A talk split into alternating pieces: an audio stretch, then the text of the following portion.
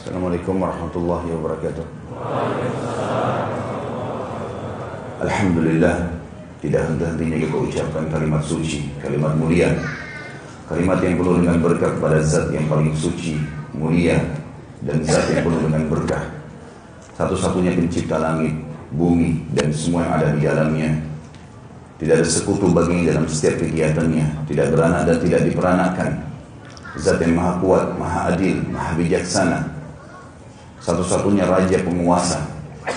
Allah subhanahu wa ta'ala yang telah menggantungkan segala kebutuhan kita untuk roda kehidupan di muka bumi ini dengan kalimat sederhana namun penuh dengan berkah Alhamdulillah maka selalulah ucapkan kalimat ini lalu kita panjatkan setelahnya salam hormat kita penuh dengan penghargaan, cinta kasih sayang dan penuh dengan penghormatan kepada manusia memang yang diperintahkan untuk dihormati diikuti dan disuri tauladani segala gerak-gerik kehidupannya.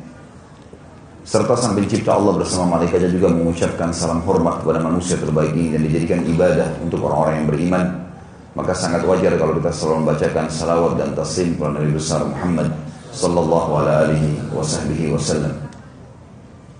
Seperti biasa pada hari Ahad kedua ini kita akan lanjutkan bahasan tentang sirah nabawi kita dan kita sudah sampai pada puncak daripada penyebaran Islam di masa kehidupan baginda Nabi Shallallahu Alaihi Wasallam setelah pembebasan Khaybar maka kita akan masuk penaklukan kota Mekah.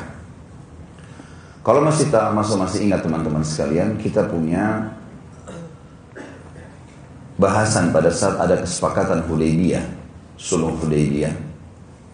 Pada saat itu Suluh Hudaybiyah ini terjadi kesepakatan antara muslimin sama Quraisy. Untuk tidak ada peperangan selama 10 tahun dan umat Islam tidak boleh masuk Mekah pada tahun itu, boleh diganti tahun depan. Dan sudah kita bahas bahasan kita sebelumnya tentang umrah qadha bagaimana Nabi SAW umrah setahun setelah kesepakatan akad tersebut dan setelah pembebasan Khaybar dari kekuasaan Yahudi Kemudian juga ada kesepakatan kalau siapa pun umat Islam atau penduduk Mekah yang masuk Islam ke Madinah harus dikembalikan ke Mekah. Dan siapa pun yang murtad dari Madinah, dari muslimin ke kafir, ke agama nenek moyang mereka, maka tidak boleh ditahan oleh muslimin. Dan ini kesepakatan seakan-akan ada kecenderungan pembelaan terhadap Quraisy. Tapi ini justru sebab kemenangan dan sudah kita jelaskan bagaimana pada saat terjadi kesepakatan Hudaybiyah ini ternyata muslimin lebih leluasa menguasai Khaybar, menaklukkan Yahudi yang memang termasuk juga otak daripada penyerangan Madinah. Kemudian juga banyak sekali fenomena-fenomena yang berhasil ditaklukkan oleh Nabi Shallallahu Alaihi Wasallam atau diselesaikan permasalahan seperti beberapa suku-suku Arab yang sudah juga kita sebutkan pada pertemuan yang lalu cukup banyak, lebih mungkin dari 10 atau 20 suku Arab yang ditaklukkan oleh muslimin sehingga akhirnya pada saat tiba masa pembebasan kota Mekah seluruh perjalanan dari Madinah ke Mekah sudah bersih. Pada saat terjadi kesepakatan Hudaybiyah juga ada sebuah poin. Kita tidak kembali lagi review itu tentunya, tapi ada sebuah poin yang disepakati. Siapa pun suku Arab yang mau berkoalisi dengan muslimin boleh, dan siapa yang mau berkoalisi dengan Quraisy boleh. Ada suku Arab namanya suku Bakar. Suku Bakar ini berkoalisi dengan Quraisy, menjadi sekutunya Quraisy. Yang berarti kalau muslimin ganggu suku Bakar berarti mengganggu Quraisy. Atau menyerang mereka berarti menyerang Quraisy. Berarti kesepakatan 10 tahun aman hilang. Dan berkoalisi dengan muslimin suku Khuza'ah jadi ada dua suku Arab ini yang perlu kita hafal namanya suku Bakar berkoalisi dengan Quraisy dan suku Khuza berkoalisi dengan Muslimin. Selama ini teman-teman sekalian, suku Huza dengan suku Bakar ini selalu saja ribut. Selalu saja ribut. Peperangan terjadi di antara mereka. Dan umumnya di antara peperangan yang terjadi, selalu suku Huza yang menang. Karena adanya kesepakatan Hudaybiyah, Maka suku Huza'ah merasa aman, suku Bakar juga merasa aman karena sudah tidak ada tidak boleh saling menyerang 10 tahun.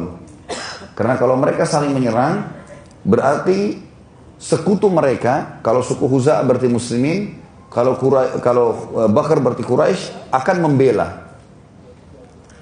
Maka sempat salah satu dari suku Huza'ah pada saat itu masuk ke Mekah dan dia melepaskan senjatanya, dia tawaf dengan tenang gitu. Nggak ada pikiran apa-apa sama sekali. Dia pikir 10 tahun aman.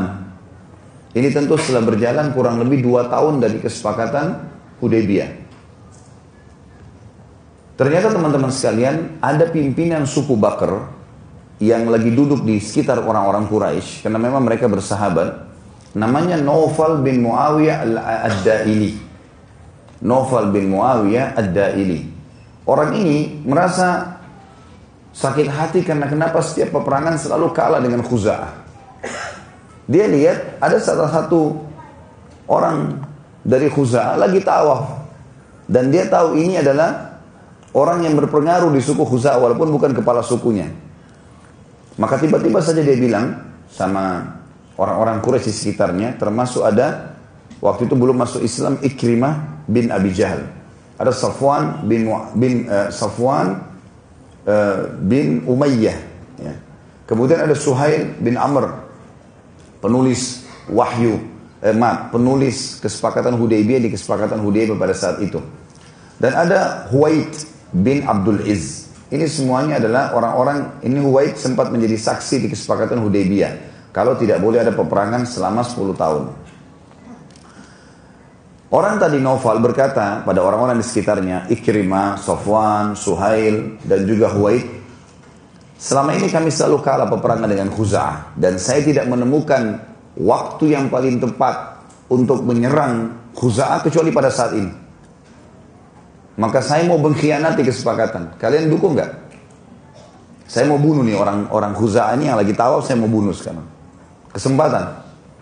Dan ada banyak suku Khuza'ah yang datang bersama orang ini yang akan dibunuh ini itu ada banyak puluhan ratusan orang yang mau umroh. Dan biasanya mereka sebelum masuk ke Mekah mereka tinggal dulu di perbatasan wilayah haram. Mereka izin akan masuk dengan oleh Quraisy atau dengan Quraisy kemudian mereka boleh masuk. Karena ada kesepakatan damai. Mereka harus masuk juga dengan izin maka kata Novel, saya mau membunuh ini. Dan saya mau nyerang yang ratusan orang yang di luar itu. Rupanya keempat orang tadi yang saya sebutkan namanya. Ikrimah, Safwan, kemudian Suhail dan juga Huwaid. Ini mengatakan oke, okay, nggak masalah. Khianati aja. Sebagian besar termasuk Abu Sufyan dan yang lainnya tidak setuju. Tidak jangan, nggak boleh ini. Jadi, karena ada yang setuju, ada yang enggak, maka Noval berdiri lalu menyerang orang yang lagi tawaf tadi. Satu orang itu. Dibunuhlah satu, satu orang Khuza'ah. Dan waktu itu kebetulan menjelang maghrib. Maka orang-orang yang ada ratusan orang suku Khuza'ah di luar tidak tahu kalau ini terjadi. Dibunuh, langsung diamankan jenazahnya. Lalu kemudian yang Novel lakukan adalah dia mengajak sukunya, suku Bakar, dengan menyebarkan isu kalau Quraisy sudah setuju terhadap pengkhianatan kesepakatan, kita serang sekarang. Jadi malam hari.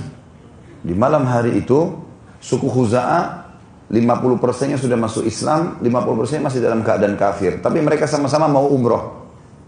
Mau tawaf. Tentu tawafnya orang muslim sesuai dengan agama Islam, dan tawafnya orang musyrik seperti agama mereka gitu. Tapi jelas mereka berkoalisi dengan Nabi SAW. Ternyata tiba-tiba malam hari si Noval ini menyerang. Dan dia menunggu di waktu tengah malam. Waktu itu sebagian besar muslimin lagi sholat tahajud dan yang kafir lagi istirahat.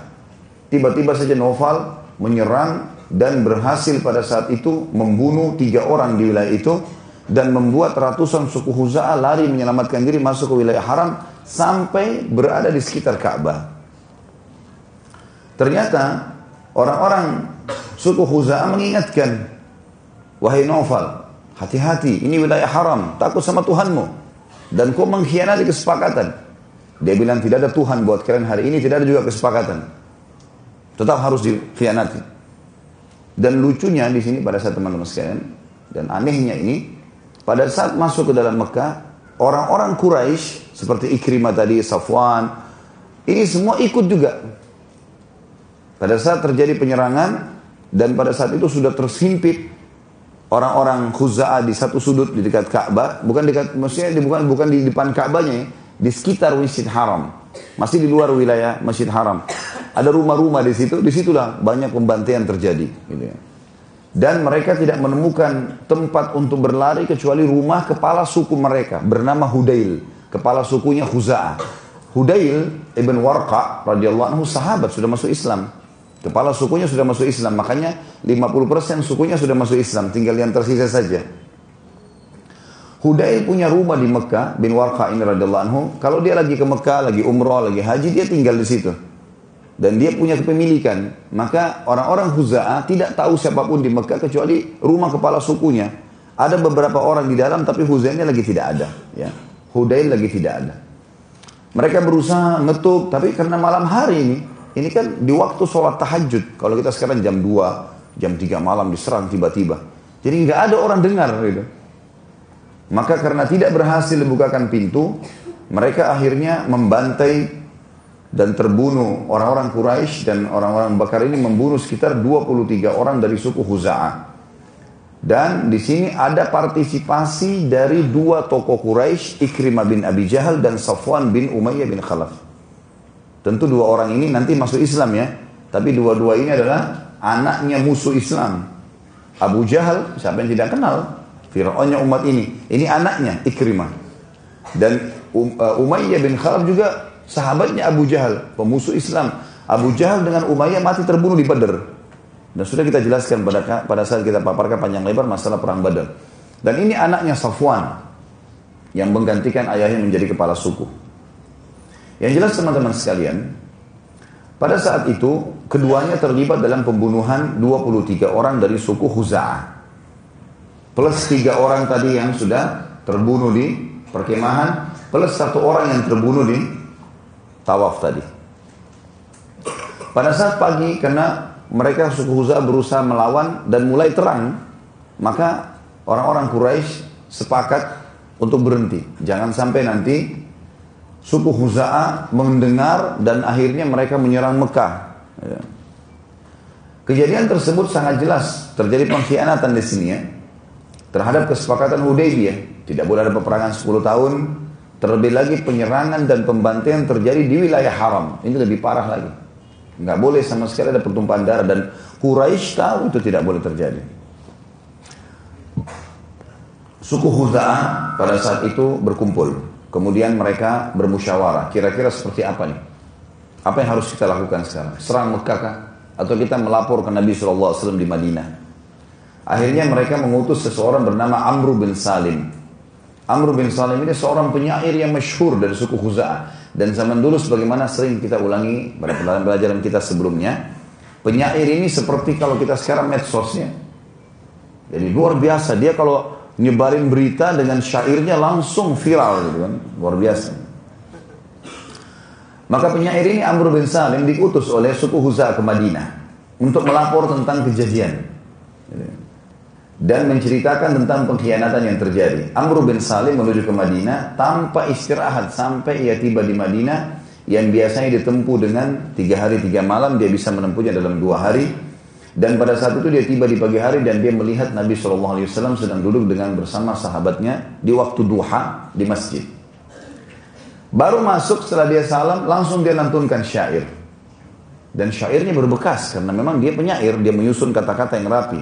Dia mengatakan, Allahumma inni nashida, Allahumma inni nashida Muhammada. Ya Allah, sungguh aku betul-betul akan menyampaikan pada Muhammad. Halfa abina wa abihi aflada. Kesepakatan ayah kami dengan ayahnya telah dihianati. Orang-orang Arab biasanya mengatakan kalau antara saya dengan si B misalnya saya A ini B lagi ada kesepakatan maka dianggap juga walaupun orang tua kami tidak terlibat ini adalah kesepakatan orang tua seperti membawa nama harumnya orang tua berarti kalau mengkhianati kesepakatan sebenarnya dia sedang mencoreng namanya dia dan nama orang tuanya karena biasanya ditulis nama dia dan nama ayahnya gitu kan? atau nama sukunya Maka menggunakan kalimat ini, ini bukan cuma sekedar pengkhianatan biasa loh Muhammad, tapi ini pengkhianatan merusak kesepakatan nama baikku dan nama baik ayahku dan nama-nama baikmu dan nama-nama baik ayahmu. Wa dikatakan qad kul qad kuntum mulwida wa kunna walida. Ingatlah kalian dulu anak-anak kami dan kami di posisi orang tua kamu. Maksudnya apa? Suku Huza'ah Kebanyakan dulu orang-orang Quraisy menitipkan anaknya pada Khuza'ah. Orang Quraisy menitipkan anaknya karena orang-orang Khuza'ah mahir berperang, kalau anak laki-laki dititip di sana, perempuan-perempuannya juga memiliki asi yang banyak sehingga mereka titipin anaknya. Jadi ada juga Sa'diyah, ada suku Khuza'ah. Ini dua-duanya memang dipakai oleh Quraisy biasanya. Jadi mereka mengatakan kami posisi seperti orang tua kalian, ahli Quraisy. Ya.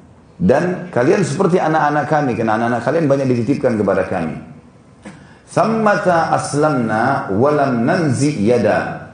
Dan setelah kami masuk Islam, kami tidak pernah berkhianat. Inna Quraisya akhlafuka maw'ida. Sesungguhnya Quraisy telah mengkhianati kesepakatan anda. Wa naqadu mithqal wa naqadu mithaqakal muakkada. Dan mereka telah mencoreng kesepakatan suci yang telah dibakukan Fansur hadakallahu nasran atada. Maka tolonglah semoga Allah senantiasa memberimu petunjuk dengan pertolongan yang benar. Wad'u ibadallahi ya'tu madada. Dan serulah semua hamba-hamba Allah yang telah beriman. Agar mereka siap menjadi prajurit perang. Fihim Rasulullah qad tajarrada. Di antara mereka terdapat utusan Allah yang jelas-jelas pantas memimpin fi failakin bikal bahri yajri muz, muzbida.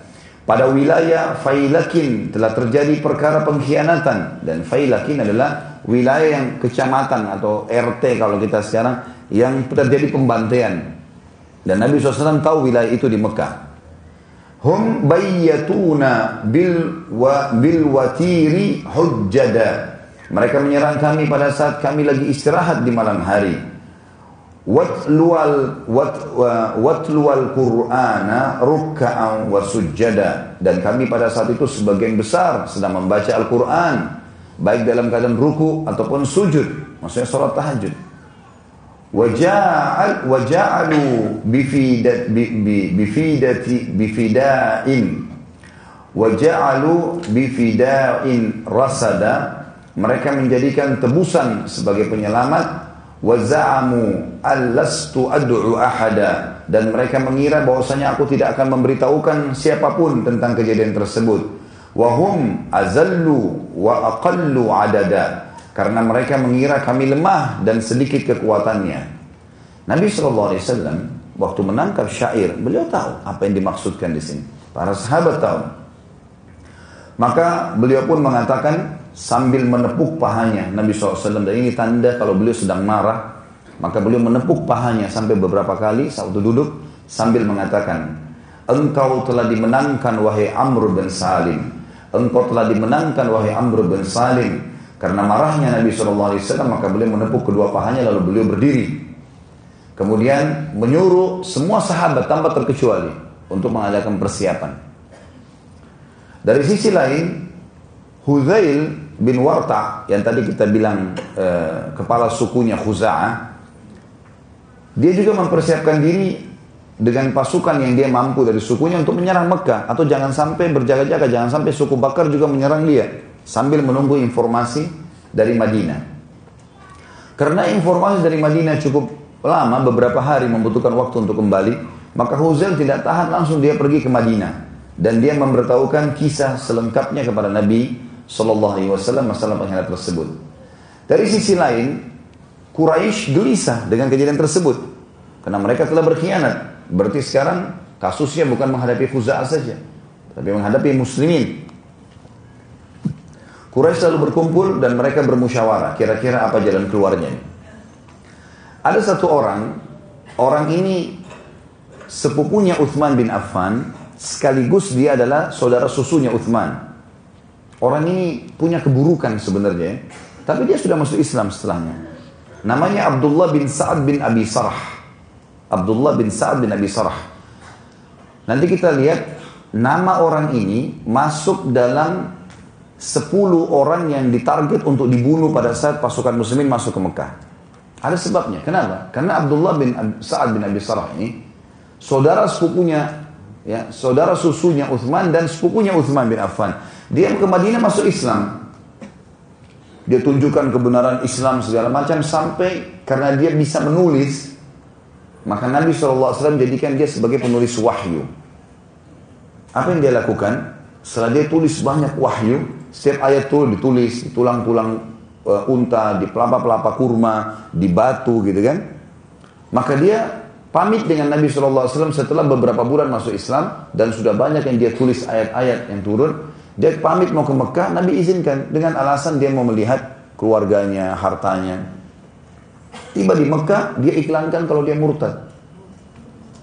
Dan dia sebarkan isu, si Abdullah bin Sa'ad bin Abi Sarah ini, dia sebarkan isu, kalau saya telah mengarang-ngarang Al-Quran. Jadi yang saya tulis selama ini dusta tuh, saya bolak-balikkan. Maka Nabi SAW menyampaikan sabda beliau masyhur, Demi Allah dia telah berdusta. Al-Quran tidak pernah diubah olehnya. Jadi pada saat dia tulis sebenarnya benar. Cuma dia mau mendapatkan kedudukan di sisi Quraisy maka dia menyebarkan isu itu. Abdullah ini waktu Quraisy lagi bermusyawarah, dia bilang, "Saya orang yang paling kenal siapa Muhammad itu." Saya orang paling kenal siapa Muhammad. Demi Allah, ia ya tidak akan pernah menyerang siapa pun yang menjadi sahabatnya. Dan dia tidak akan menyerang kalian kecuali sudah menawarkan tiga hal dalam kasus itu. Itu pasti. Karena itu ajaran agamanya. Kata orang-orang Quraisy, apa itu? Abdullah berkata, yang pertama, ia pasti akan menawarkan kepada kalian untuk membayar denda korban suku Huza'ah yang 23 orang dibunuh di tadi daerah Failak. Tiga orang yang dibunuh di perkemahan, satu orang yang sedang tawaf. Berarti 27 orang. Kalian bayar diahnya, dendahnya. Dan dia ini minimal 10 ekor unta. Tapi bisa saja haknya orang yang jadi korban, walinya, misalnya seseorang bunuh orang lain, maka keluarganya orang yang dibunuh itu punya hak menentukan dia, denda. Kalau dia minta 100 ekor unta ya harus dipenuhi. Baru kemudian pembunuh aman dari sukunya atau keluarganya orang yang dibunuh. Jelas sampai sini? Baik, dia di sini ya. Kata kata Abdullah bin Sa'ad bin Abi Sarah ini, dia pasti akan tawarkan kepada kalian biarkan khusuku khuza'an menentukan 27 orang itu berapa diahnya. Bayar, selesai. Tidak akan terjadi peperangan. Karena memang itu hukum agamanya. Dan kita tahu ini memang terjadi beberapa kali dalam sejarah Nabi Shallallahu Alaihi Wasallam. Pada saat beliau mau dibunuh oleh salah satu uh, orang Yahudi yang hanya diusir dari Madinah dari suku uh, Nazir. Waktu Nabi SAW lagi duduk di bawah salah satu pemukiman mereka di depan rumah bawah rumah, lalu mereka sepakat siapa yang melempar Muhammad batu dengan batu dari atas rumah sehingga dia mati. Ada satu orang mengatakan saya. Dia bawa batu besar, waktu dia mau lempar, Nabi SAW disampaikan oleh Jibril. Ada orang di atas kepala kamu mau lempar batu. Maka Nabi SAW pergi. Bentuk pasukan dikepung suku Nadir. Lalu Nabi SAW berikan instruksi. Serahkan orang yang di atas rumah itu. Selesai urusan. Kita akan hukum dia. Tapi karena mereka tidak mau, maka terjadi penyerangan, pengepungan di sini. Sampai akhirnya mereka diusir dari Madinah. Jadi memang dalam Islam hukumnya seperti itu. Orang kalau melanggar, yang melanggar itu ditangkap dan tidak ada hubungannya sama sekali dengan keluarganya, dengan sukunya. Nggak boleh. Karena suku-suku di muka bumi ini juga termasuk makhluknya Allah subhanahu wa ta'ala. Mereka lebih berhak didakwai sebelum diserang gitu kan. Ternyata orang-orang Quraisy mengatakan, menjawab, karena di sini koalisi. Maka kalau Khuza'ah, eh, kalau Bakar disuruh bayar, bisa saja nanti Quraisy harus terlibat karena sekutunya. Jadi kalau misal diminta 10 ribu ekor unta, Bakar tidak ada kemampuan maka Quraisy harus bantu. Orang-orang Quraisy bilang demi Allah Khuza'ah tidak akan membiarkan harta kita kecuali akan menghabiskannya. Maka kami tidak mau. Bayar dia nggak mau. Karena kalau dia minta bayar dengan semua harta yang ada di Mekah, kita harus penuhi. Tidak bisa. Apa poin kedua? Kata Abdullah, kalau kedua, kalian akan diminta membiarkan suku Bakar dihukum oleh Muhammad tanpa kalian campuri karena yang berkhianat suku Bakar. Kalau kalian mau aman, Quraisy, biarkan Muhammad dengan suku Bakar. Kalian jangan ikut campur. Muhammad mau perangi, mau maafkan itu urusan dia. Kata Quraisy, demi Allah bila kita tidak membela sekutu kita, maka setelah hari ini tidak akan lagi ada orang mau yang bersekutu dengan kita. Apa poin yang ketiga? Kata Abdullah yang ketiga, perang. Tidak ada lagi. Kalau kalian nolak bayar dia, kalian juga nolak untuk menyerahkan suku Bakar, berarti pasti perang, pedang. Nggak ada yang lain. Kata Abdullah, bila kalian menolak membayar denda, dia. Suku Huza tidak mau juga membiarkan suku Bakar diperangi, maka pasti kalian akan berhadapan dengan pedang. Quraisy sempat bingung waktu itu. Perang atau enggak nih? Sekarang mereka sudah dua tahun tidak pernah tahu kekuatan muslimin berapa sekarang jumlahnya. Dan baru satu tahun yang lalu, mereka terkagetkan 10 ribu pasukan Yahudi di Khaybar kalah. Dan orang-orang Yahudi secara militer pada saat itu lebih kuat dari orang Quraisy. Sudah kalah dengan muslimin. 10 ribu orang dikalahkan dengan 1400 orang waktu itu. Oh, sudah kita bahas panjang lebar masalah perang Khaybar gitu kan. Quraisy bingung. Lalu Abu Sofyan berkata, aku punya pendapat. Kita utus saja salah seorang dari kita ke Madinah untuk menemui Muhammad, lalu dia perbaharui akad. Anggap akad itu batal, kita buat akad baru. Seakan-akan tidak terjadi apa-apa. Tapi kita perbaharui. Segera sebelum informasi sampai ke Muhammad. Dia nggak tahu ini kalau Nabi sudah tahu. Mereka nggak tahu kalau hari kejadian itu langsung diutus tadi penyair Amr bin Salim sudah menyampaikan. Huzail juga, kepala suku Huzail sudah sampai di Madinah. Udah ceritain semuanya gitu kan. Maka mereka mengatakan baiklah, kira-kira siapa yang diutus yang bisa menemui ini. Setelah musyawarah, Orang-orang Quraisy mengatakan kayaknya kamu lebih pantas kayak Abu Sufyan. Kamu yang punya pendapat, kamu yang pergi ke Madinah. Abu Sufyan waktu itu tidak bisa nolak karena memang dia dianggap pemimpin. Saya pernah jelaskan setelah terjadi perang Badar kan terbunuh semua tokoh-tokoh Quraisy ya. Terbunuh Abu Jahal, terbunuh Umayyah bin Khalaf, terbunuh uh, Utbah bin Rabi'ah, Syaibah bin Rabi'ah ya. Terbunuh semua. Dan Abu Lahab juga mati terbunuh di Mekah pada saat itu ya yang badannya membusuk dan sudah kita ceritakan. Jadi di Mekah ini tidak ada lagi orang yang dituakan kecuali Abu Sufyan. Tinggal dia sah. Maka dia seperti menjadi raja Mekah tapi belum dinobatkan gitu ya. Mereka bilang engkau lah pergi hai Abu Sufyan. Terlebih lagi Abu Sufyan memiliki seorang anak Ummu Habibah radhiyallahu anha yang sekarang menjadi istri Nabi wasallam. Jadi Abu Sufyan mertuanya Nabi, tapi masih dalam keadaan kafir gitu. Ya. Maka serentak orang Quraisy mengatakan, berangkatlah ke Madinah wahai Abu Sufyan. Abu Sufyan mengatakan, baiklah. Kemudian Abu Sufyan berangkat sendirian ke Madinah. Pada saat dia tiba di pintu gerbang Madinah, Abu Sufyan tiba, dia kaget dia Huzail, kepala suku Huza'a tadi keluar dari pintu gerbang, itu kan. Abu Sufyan lalu bilang, Waktu dia lihat suku Huzail sama beberapa suku Huza'ah. Apa yang buat kalian ada di Madinah? Kata Huzail, kami datang berkunjung. Kata Abu Sufyan, apakah kalian memiliki kurma dari Madinah yang kalian makan juga unta-unta kalian? Kata Huzail, tidak ada. Artinya, kalau seandainya mereka beli kurma di Madinah atau mereka ditahu dari mana ditahu kalau orang ini bukan cuma sekedar berkunjung, datang, duduk lama berapa hari?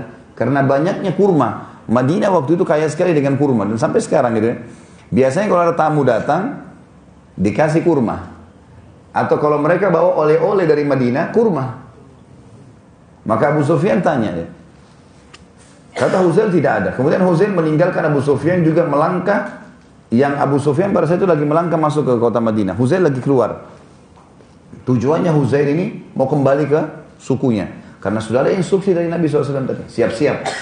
Tapi jangan menyerang sampai saya yang bahasakan. Abu Sufyan sempat bingung, siapa kira-kira yang mau ditemui di Madinah agar dia bisa dapat berita. Apa ini yang tersebar di Madinah masih belum tahu apa-apa. Karena harus bertanya sekarang. Maka ia terfikir untuk mendatangi anak kandungnya sendiri Ummu Habibah radhiyallahu anha yang pada saat itu menjadi istri Nabi sallallahu alaihi wasallam. Diketuk pintu rumah, tanya sana sini, dia tahu rumahnya. Dia datang diketuk rumahnya. Ummu Habibah lihat ayahnya dibukain pintu. Pada saat masuk pintu, rumah Ummu Habibah sederhana sekali. Rumah Nabi SAW sederhana. Enggak seperti rumah raja mewah-mewah gitu, biasa saja. Dan tidak ada tempat duduk kecuali ada satu tikar. Tikar itu khusus untuk Nabi SAW kalau duduk. Kalau dadang duduk di situ. Kulit kambing yang disamak, yang dikeringkan, dibersihkan, di, dijemur, lalu ditaruh untuk diduduki oleh Nabi SAW. Abu Sufyan, dia lihat kiri kanan, tidak ada tempat duduk. Dia lihat ada tikar itu. Tiba-tiba dia mau duduk di atasnya.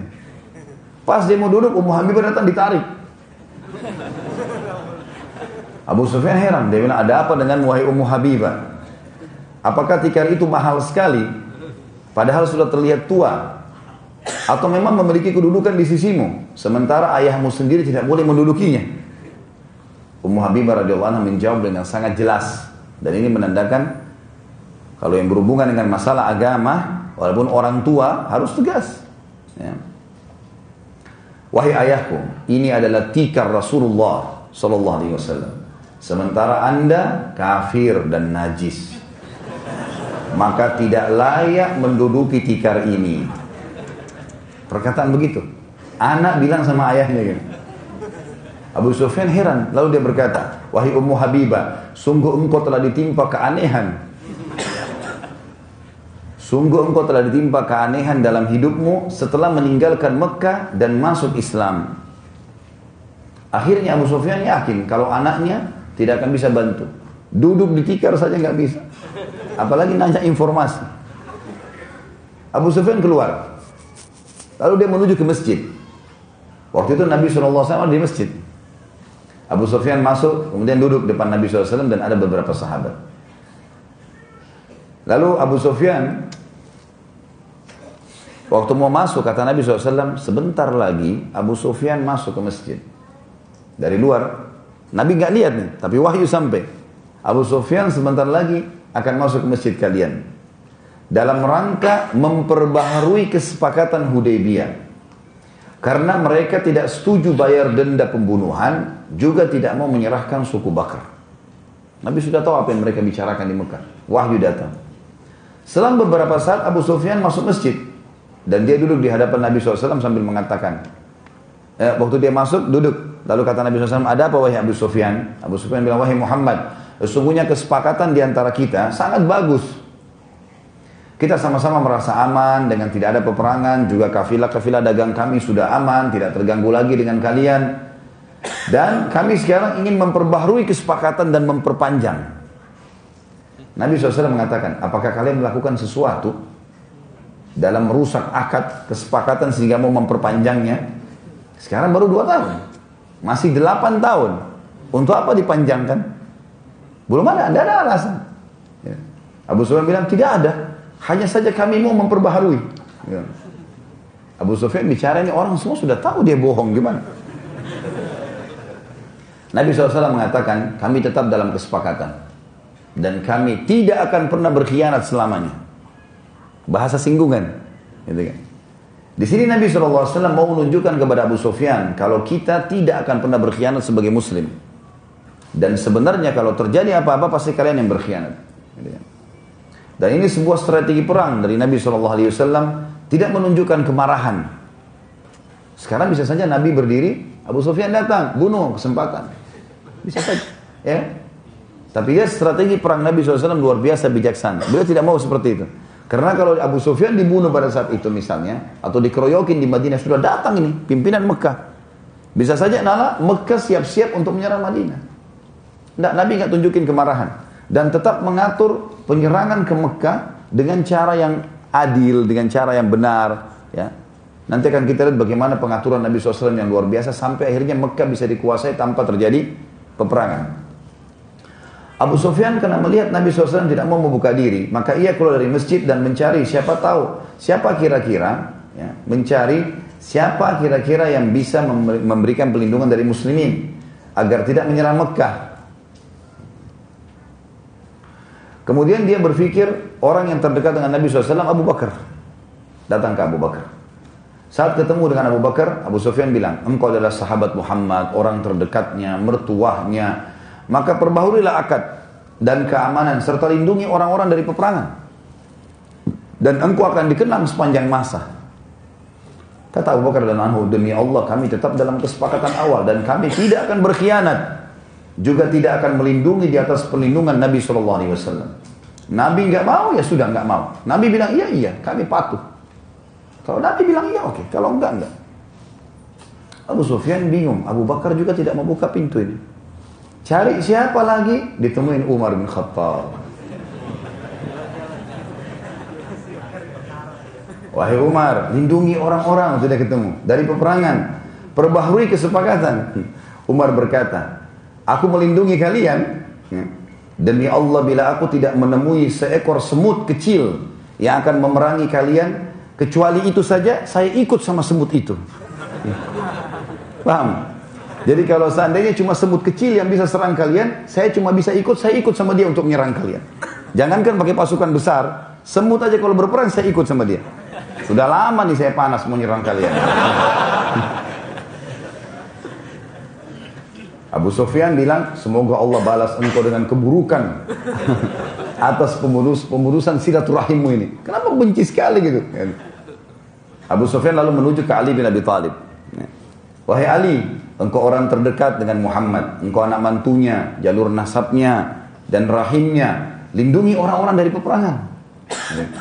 Ali menjawab, sesungguhnya Rasulullah SAW sedang berpegang pada kesepakatan dan tidak akan pernah melanggarnya. Dan kami pun begitu. Kecuali Nabi SAW melakukan. Nabi lakukan, kami lakukan. Silakan bicara sama Nabi. Gitu. Maka Abu Sufyan juga dia tidak ada pintu sama sekali. Semua nolak.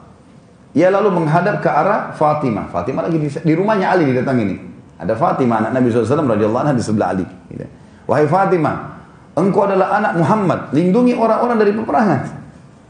Jadi Abu Sufyan sampai tidak punya lagi tempat untuk minta tolong sampai minta tolong sama perempuannya. Fatimah bilang, sesungguhnya aku hanya seorang wanita. Apa keputusanku gitu? Abu Sufyan bilang, Bawa anakmu ini Hasan, ada Hasan di situ. Anaknya masih kecil.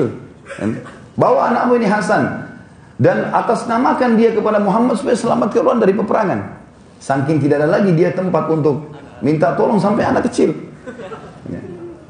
Fatimah menjawab dia masih kecil dan ketahuilah tidak akan pernah ada yang berani melampaui Rasulullah SAW dalam kesepakatannya. Percuma, kamu keliling ke siapa pun tidak ada gunanya.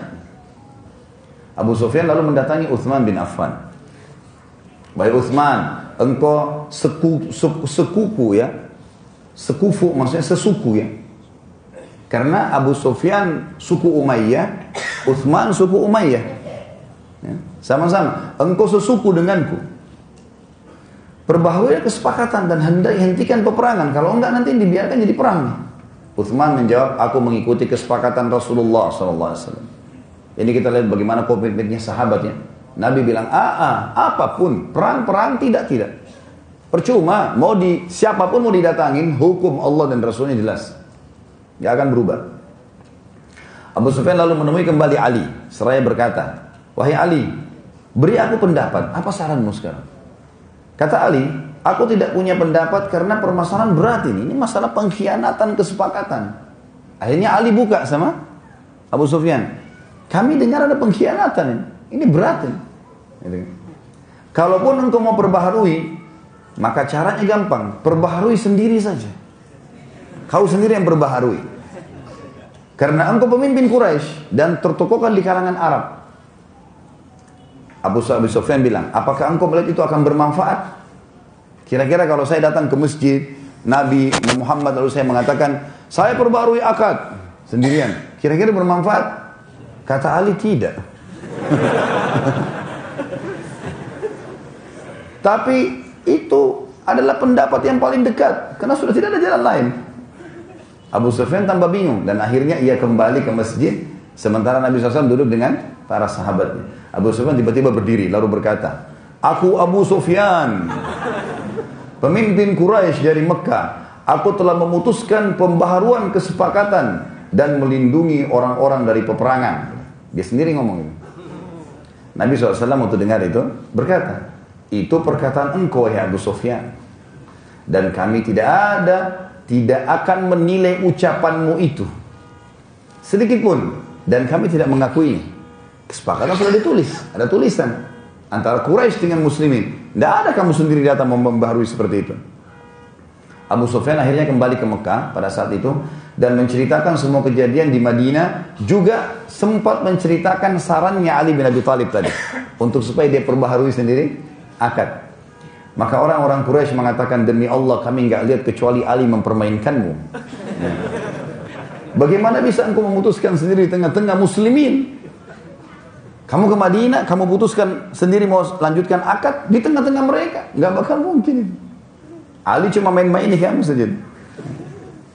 Quraisy saat itu bingung dan sangat khawatir. Jangan sampai Nabi SAW menyerang Mekah sementara penduduk Mekah belum ada persiapan. ya Karena penduduk Mekah sendiri secara global tahu ini kesepakatan 10 tahun. Dan mereka yang tadinya selalu standby untuk bisa berperang sekarang sudah sibuk dengan perdagangan. Jadi Mekah memang tidak siap untuk perang sekarang ini. Di Madinah Nabi SAW memerintahkan Aisyah radhiyallahu menyiapkan kebutuhan perang dari makanan, minuman, pakaian harian, juga pakaian perang. Tetapi sampai saat itu Nabi SAW waktu sudah menyiapkan menyuruh muslimin siap, belum menjelaskan kita akan serang Mekah atau menyerang siapa. Tidak ada, cuma siap-siap saja. Belum ada informasi mau nyerang Mekah kah, mau nyerang mana, belum tahu. Dan perlu diketahui teman-teman sekalian, belum seluruh muslimin juga tua, tak, belum seluruh muslimin tahu kalau Quraisy telah berkhianat. Belum semuanya tahu. Gitu ya. Jadi pasukan waktu terbentuk belum tahu mau ke arah mana dan ini salah satu strategi Nabi SAW. Beliau kalau membawa pasukan, beliau sering kali tidak menginformasikan ke mana yang atau siapa yang akan dilawan atau ke mana arahnya. Nanti kalau sudah dekat sasaran, baru kemudian menyerang gitu. Supaya jangan sampai ada informasi pasukan yang keluar ke musuh. Seperti itulah. Nabi SAW mengatakan kepada Aisyah dan istri yang lain, ini khusus istri beliau saja, rahasiakan. Saya akan ke Mekah. Tapi jangan sampaikan ke siapa pun. Tidak boleh ada yang tahu. Dan ini ibu-ibu sekalian perhatikan bagaimana dalam Islam istri harus menjaga rahasia suaminya. Gak boleh semuanya diceritakan ke teman-temannya, ke orang tuanya dan banyak perceraian terjadi gara-gara sibuk menceritakan masalah suaminya kepada ke orang tuanya, kepada sepupunya, kepada iparnya, kepada saudara-saudaranya. Ini semua jadi masalah. Akhirnya orang-orang menilai buruk suaminya dan dia terpengaruh. Gitu kan? Abu Bakar waktu itu Waktu lihat banyak muslimin lagi mempersiapkan pasukan, dia tanya orang-orang, mau ke mana, mau ke mana? Rasulullah suruh siap-siap. Mau ke mana? Nggak tahu. Yang mau diserang? Tidak tahu. Nabi SAW lagi ada hajat di luar rumahnya. Abu Bakar datang ke rumah Aisyah, anaknya, radhiyallahu anhu Lalu dilihat Aisyah lagi mempersiapkan barang-barang persiapan perangnya Nabi, makanan, pakaian, segala macam.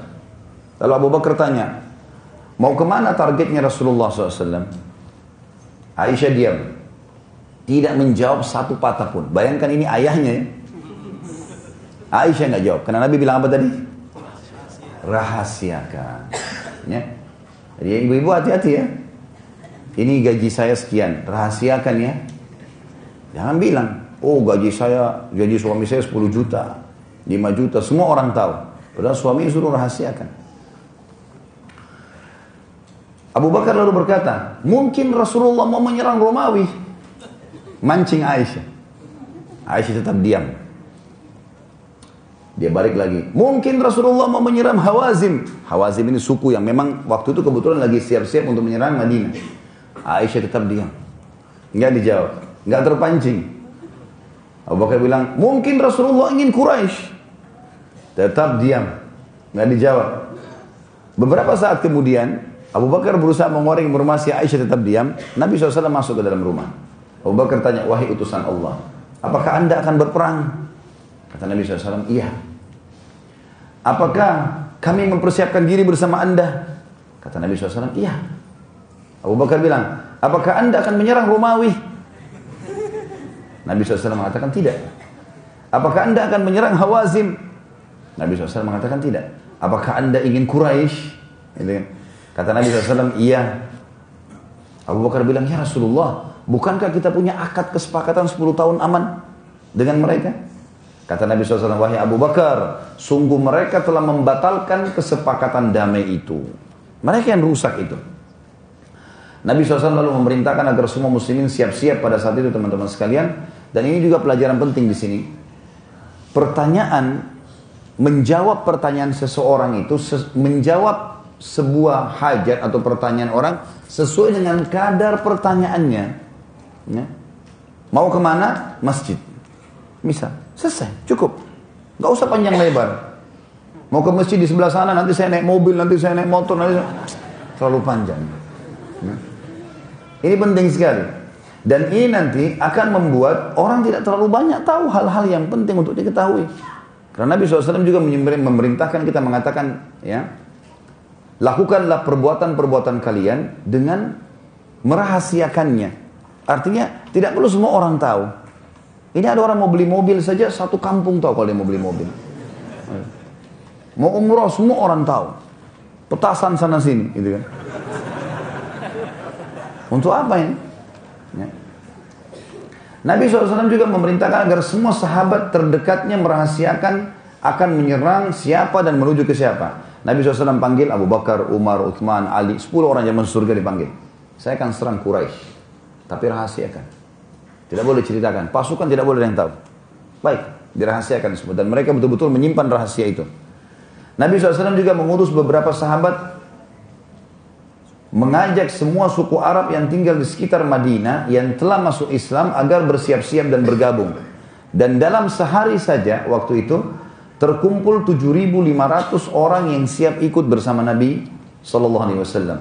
Para sahabat sempat bingung sudah terkumpul 7.500 ya. Dan ini sudah ter, total semua dari penduduk Madinah dan orang yang bergabung dari luar. Sahabat tapi waktu bergerak pasukan sempat bingung mau ke mana Rasulullah SAW. Lalu mereka mengutus Sa'ad ibn Malik, penyair juga ini. Masuk Islam, yang sudah masuk Islam.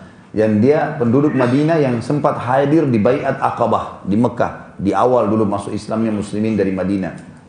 Seraya melantunkan syair pujian di antara isinya Dimuji-muji Nabi SAW, engkau adalah utusan Allah, engkau adalah manusia terbaik, kami mematuhimu, kami yakin kami kalau mati terbunuh, mati syahid. Dipuji-puji Nabi SAW dengan banyak isi syairnya.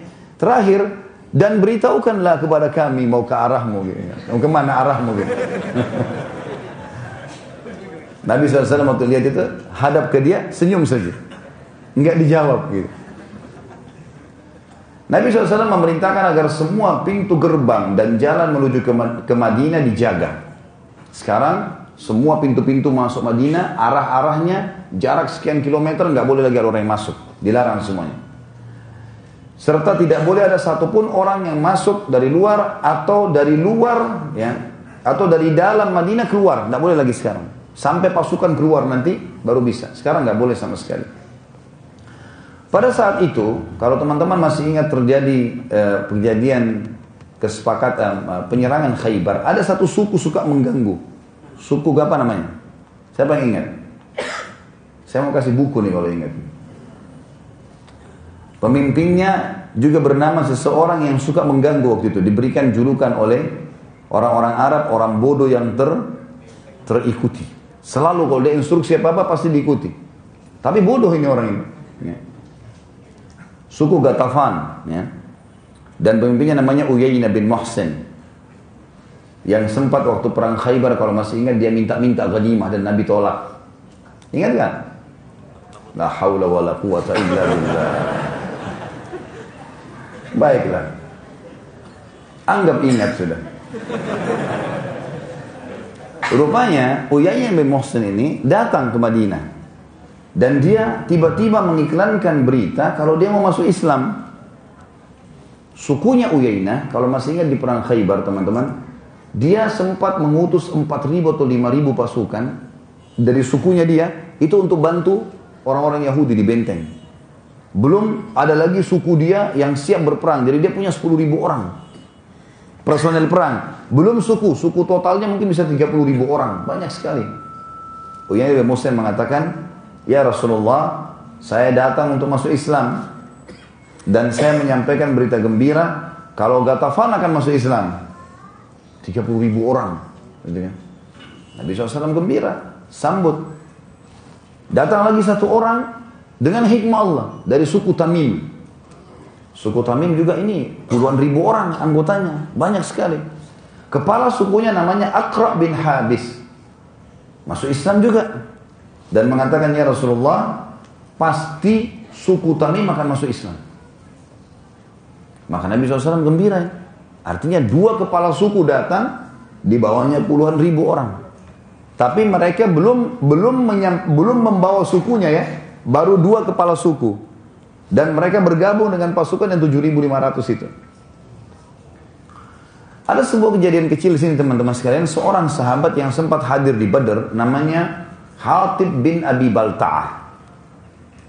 Hatib ini orang yang soleh sebenarnya gitu kan.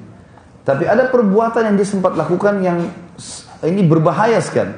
Untungnya wahyu turun menyampaikan tentang perbuatannya orang ini. Dia berkhianat. Hatib sempat menulis selembar surat yang ditujukan kepada Quraisy memberitahukan tentang niat Nabi Shallallahu Alaihi Wasallam. Dia mau bocorin nih. Hatib salah satu orang yang hadir di perang Badar dan orang dekatnya Nabi SAW. Salah satu dari sahabat selain 10 orang yang masuk surga yang sempat Nabi sampaikan kepada dia. Rupanya dia tulis surat rahasia memberitahukan kepada Quraisy kalau ini akan Nabi SAW akan menyerang Mekah siap-siaplah. Gitu. Para orang Muslim ini hadir di perang Badar, sahabat Nabi yang imannya kuatin. Apa sebabnya? Ada sebabnya dia lakukan ini. Hatib lalu memberikan surat tersebut kepada seorang budak wanita yang dia bayar untuk membawa surat itu ke Mekah dan disuruh menempuh jalan yang bukan umum diketahui oleh muslimin. Nabi SAW memanggil dua orang sahabat yang terkenal dengan keberanian, kekuatannya, menghafal jalur-jalur jalan. Ali bin Abi Thalib dan Zubair bin Awam. Panggil dua-duanya.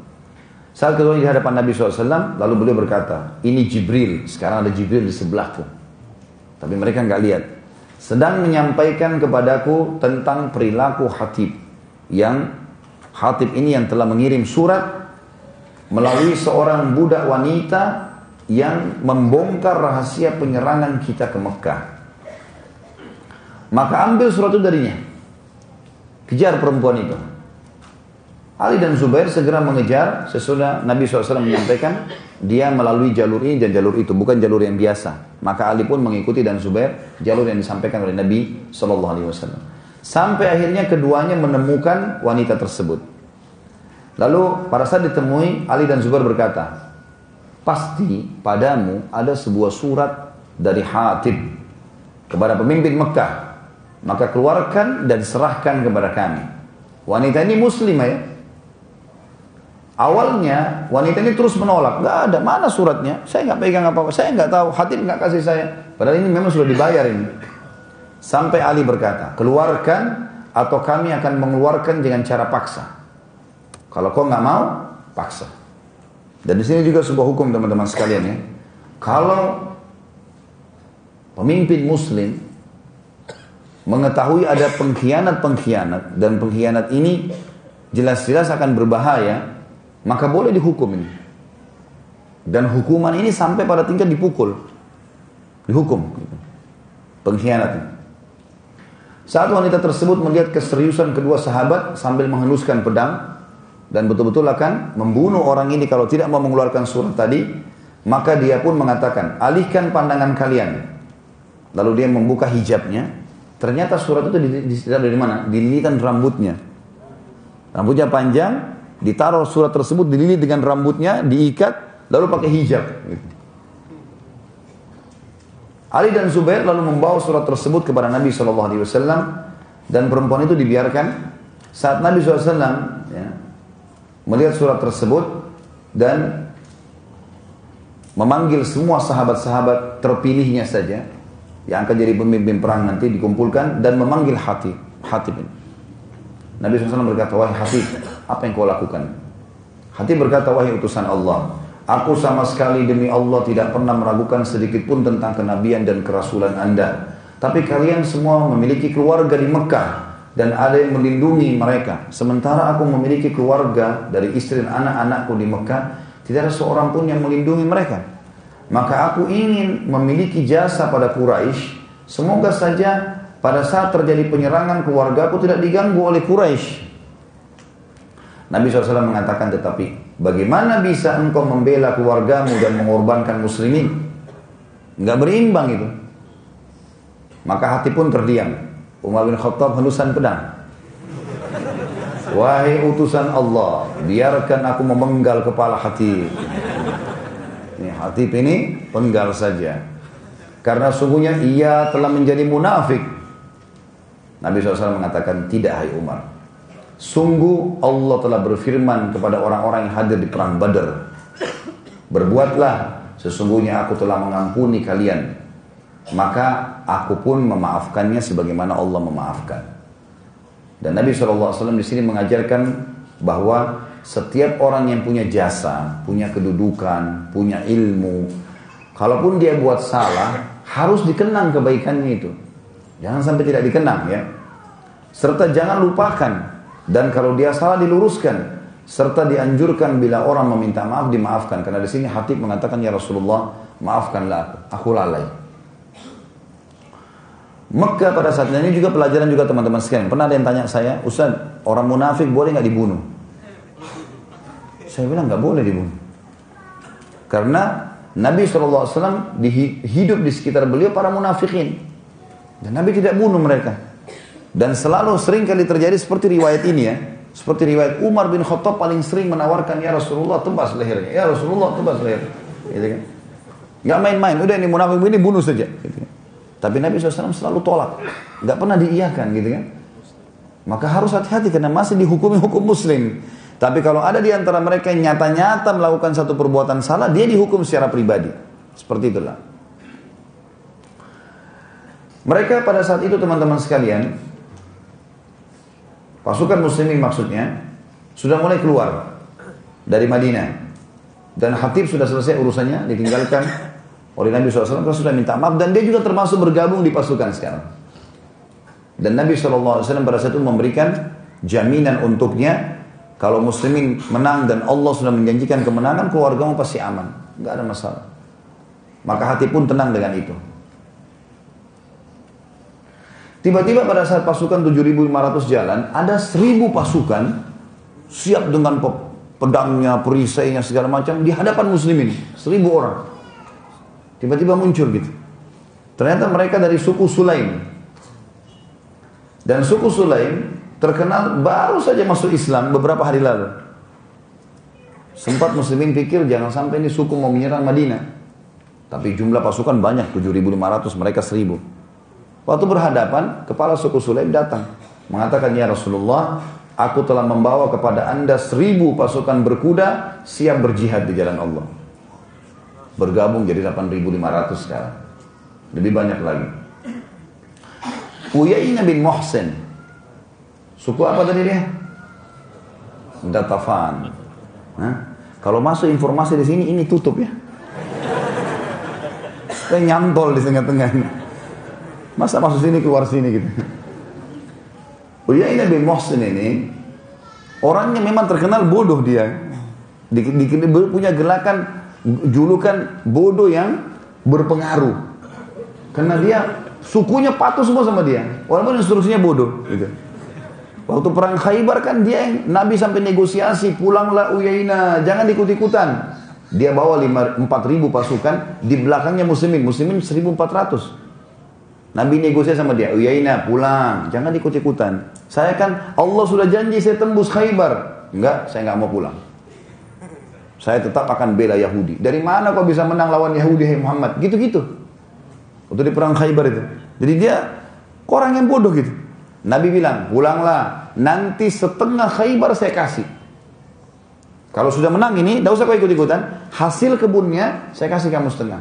Enggak, enggak mau. Lalu dia manuver pasukannya lewati muslimin, masuk ke benteng Yahudi, tinggal di dalam. Menunjukkan kekuatan kalau dia akan perangi muslimin. Begitu. Jadi goblok sekali. Perilakunya pada saat itu. Kemudian Dia pulang, jangan lagi disalahpahamin kalimat ini ya. Perilaku pada saat itu, jangan lagi dibilang saya goblok-goblokin sahabat ya. Kita sedang menceritakan perilaku yang sedang terjadi pada waktunya. Bukan kita bicara globalnya. Maka dia pun waktu di perang waktu di perang itu subhanallah di perang Khaybar sempat ada orang yang teriak entah dari mana mengatakan wahai Gatafan suku kalian sedang diserang. Maka Uyaina tarik pasukannya dari benteng Khaybar keluar pergi ke sukunya. Sementara Nabi SAW menyerang suku benteng-benteng ini sampai akhirnya berhasil menang. Waktu sudah menang, pasukan Uyainah baru kembali. Karena waktu mereka kembali ke sukunya, ternyata sukunya nggak ada apa-apa. Mereka juga tidak tahu suara itu dari mana. Sebagian ahli sejarah mengatakan pertolongan dari Allah. Supaya dia tidak bergabung dengan Yahudi. Waktu dia kembali, benteng Yahudi sudah jebol semua nih. 9 atau 10 benteng habis semuanya, dikuasai muslimin. Semua perkebunannya Yahudi sudah dikuasai. Maka Uyainah datang, wahai Muhammad, kau kan orang baik. Ya. Kasih saya ghanimah. Bagi-bagi. Kata Nabi SAW, dulu saya tawarkan nggak mau. Sekarang baru minta, tidak apa-apa lah Muhammad, kau orang baik. Dia rayu terus. Sampai Nabi bilang, saya akan kasih kamu sebuah tempat di sana. Oh iya, di mana? Gembira dia. Di mana tempatnya? Kata Nabi, ada sebuah gunung di padang pasir, ambillah. Artinya kau tidak akan dapat apa-apa gitu. Uyaina ini, perjalanan waktu, dia lihat kekuatan muslimin. Akhirnya dia mau masuk Islam kan. Tapi sempat saya ceritakan, ada satu temannya yang menghadang dia masuk Islam baru saat itu. Kemudian dia tidak jadi, dia tunda, dia mau lihat kekuatan muslimin. Sekarang dia datang sudah masuk Islam, tapi dia datang sekarang sendirian, sukunya nggak dibawa.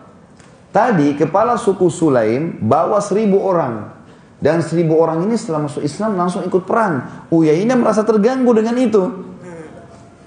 Kok enak benar orang ini? Dia sama seribu orang langsung ikut perang.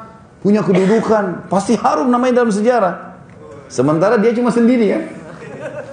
Uyainah ini merasa menyesal. Kenapa dia nggak bawa sukunya? Lalu Uyainah mulai membuat masalah nih. Dia sebarin isu. Kalau suku Sulaim tidak ngerti perang. Kami ahli perang, Gatafan. Gitu kan. Mendengar itu, kepala suku Sulaim jawab Uyainah. Bila kalian mau, sekarang kami serang Gatafan. Ribut ini. Isu ini di kancah peperangan. Apa lagi menuju peperangan, bawa pedang, semuanya siap perang. Ini bahaya. Suasananya berbeda dengan orang lagi santai. Ini mau perang ini.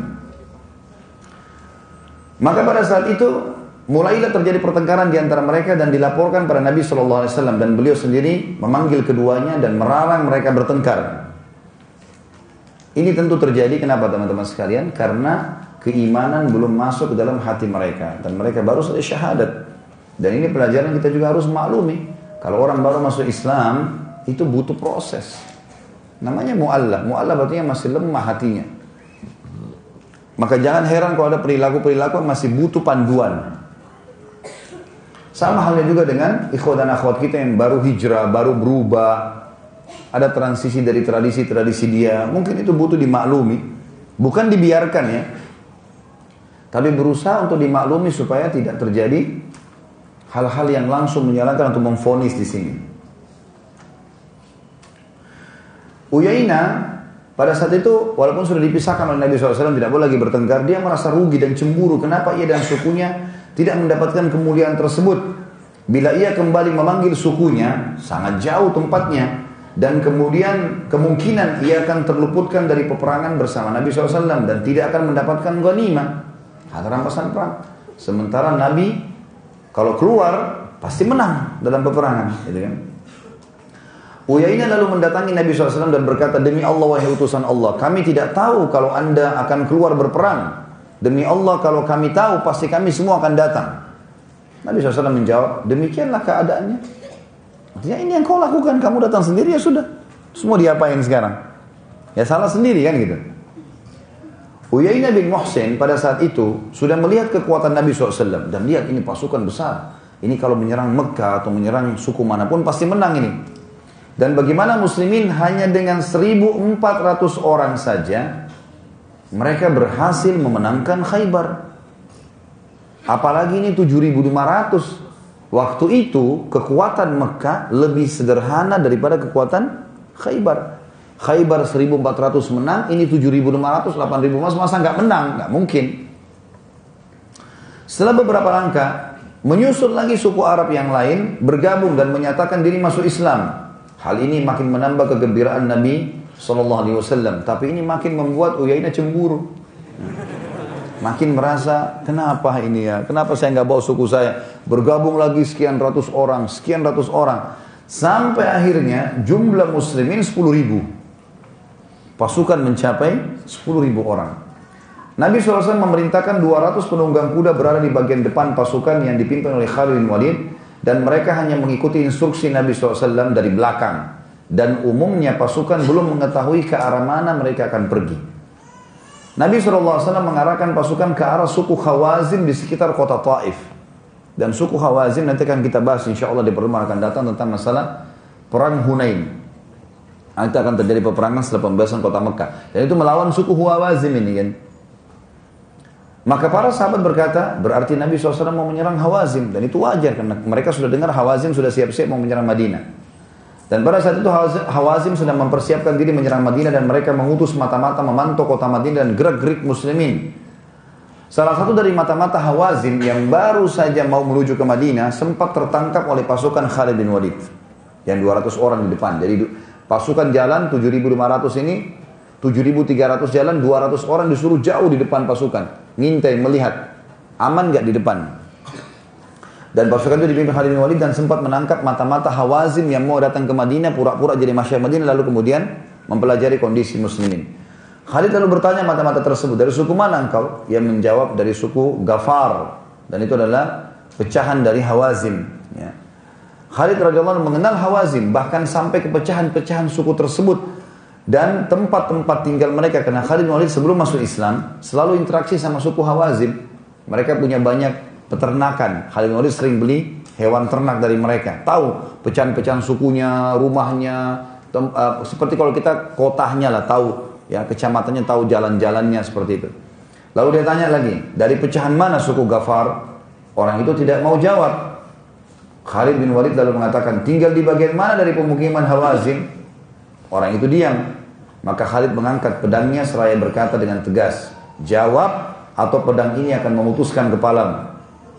Saat orang itu melihat keseriusan Khalid, maka ia pun mengaku kalau dia adalah mata-mata suku Hawazin.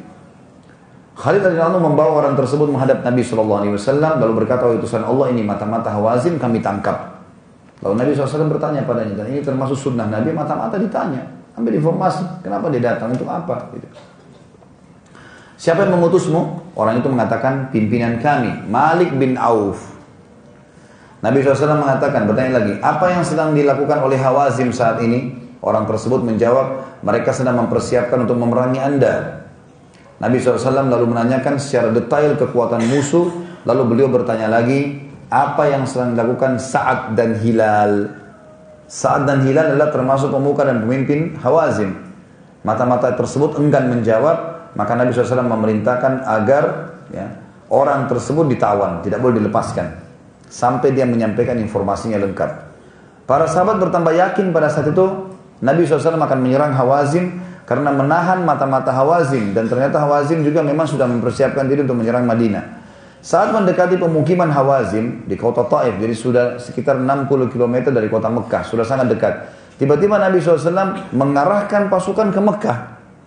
Sudah dekat, 60 km baru arahnya pasukan ke sana. Nggak jadi ke Hawazim gitu. Hal ini membuat sahabat bingung, mana yang akan diserang oleh Nabi SAW.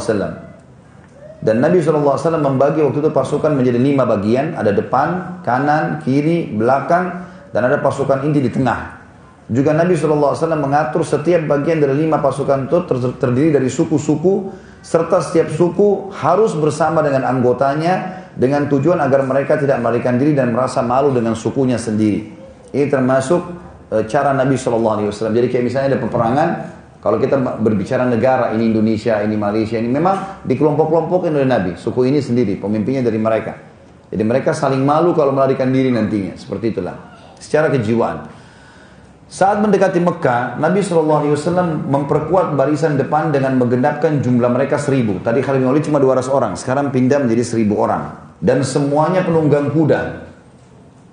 Tentu penunggang kuda sama sekarang kalau mobil mobil tank ya, sangat kuat penunggang kuda. Karena kudanya sudah dilatih bisa berperang, juga diberikan baju besi, begitu juga dengan orang yang menunggangi di atasnya. Jadi dia sama kudanya bisa menyerang, seperti itulah.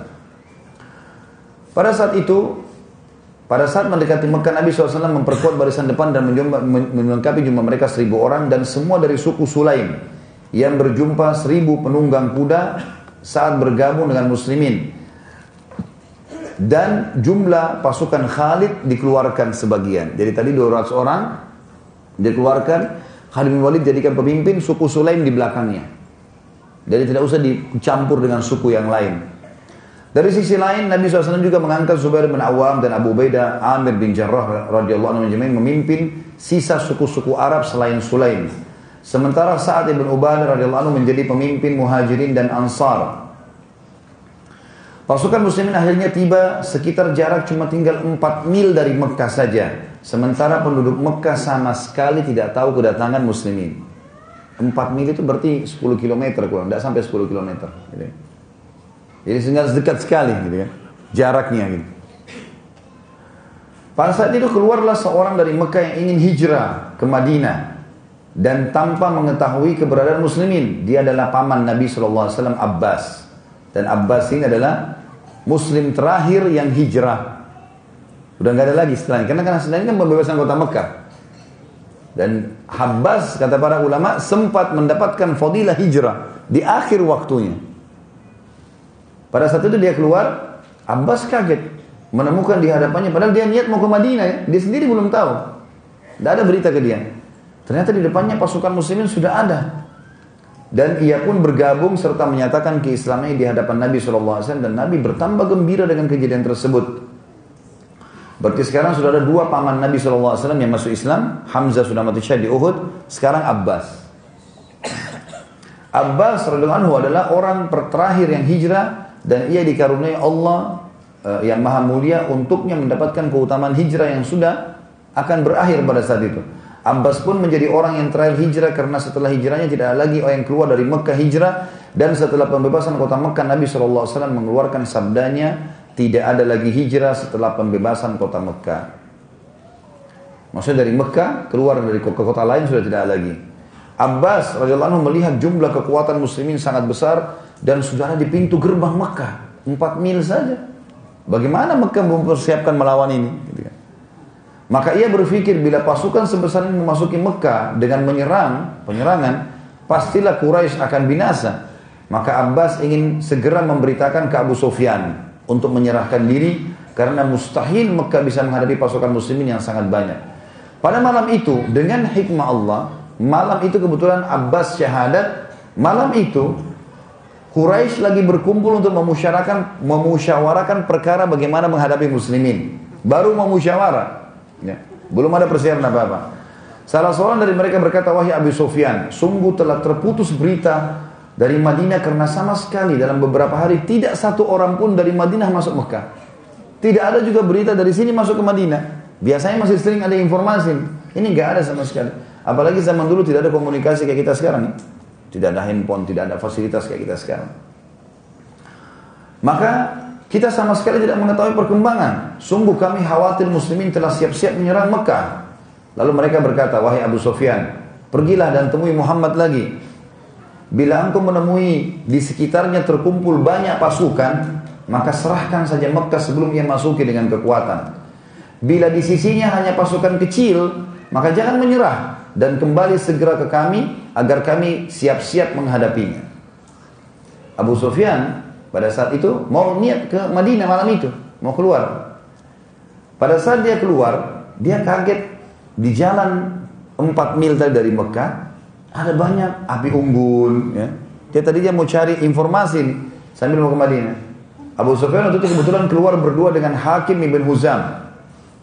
Tiba-tiba saja keduanya terkejut sama sekali pada saat melihat kemah, ada api-api unggun dengan jumlah pasukan yang sangat besar mencapai sekitar 10.000 personil. Abu Sufyan lalu berkata seraya kaget dan khawatir, siapa mereka? Sungguh pasukan yang sangat besar dan tidak akan mungkin ada yang bisa menghadapi pasukan sebesar ini. Pada malam itu ada seseorang yang juga keluar dari Mekah namanya Huzail bin Warqa. Abi Warqa ini tadi yang kepala sukunya Huza'ah. Ya.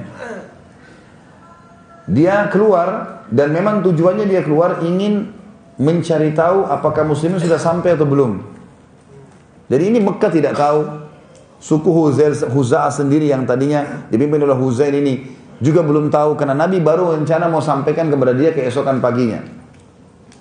Pada malam itu Abbas dari pasukan muslimin berharap dapat Abbas keluar dari pasukan muslimin setelah syahadat berharap dapat menginformasikan ke masyarakat Mekah terutama Abu Sufyan agar menyerah. Dari sisi karena kalau besok terjadi penyerangan selesai habis semua. Lebih baik serahkan Mekah. Dari sisi lain Abu Sufyan dan Hakim bin Huzam keluar dari Mekah mau ke Madinah sambil mengumpulkan informasi gitu kan. Juga Huzail, pemimpin Huza tadi juga lagi keluar. Tiba-tiba pada malam itu semuanya bertemu di satu titik. Tanpa diatur nih. Abbas datang dari pasukan muslimin, Abu Sufyan sama Hakim tadi keluar, juga Huzail datang dari sisi lain. Ketemu di satu titik. Huzail sempat bertemu dengan Abu Sufyan dan Hakim, maka Abu Sufyan bertanya kepada Huzail, siapa gerangan mereka? Huzail pada saat itu sudah tahu kalau muslimin akan datang. Tapi belum tahu kalau ini pasukan Islam, gitu kan. Maka dia bilang, ya, sebab, sebab dia tidak mau Abu Sufyan tahu, mungkin mereka dari sukuku, Huzail.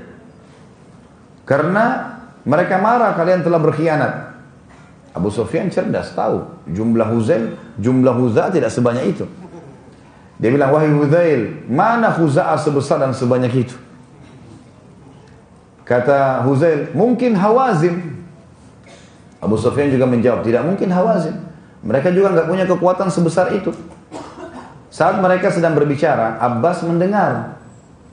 Jadi di lokasi yang sama, Abbas belum lihat Abu Sufyan, tapi dia dengar, tahu suaranya Abu Sufyan.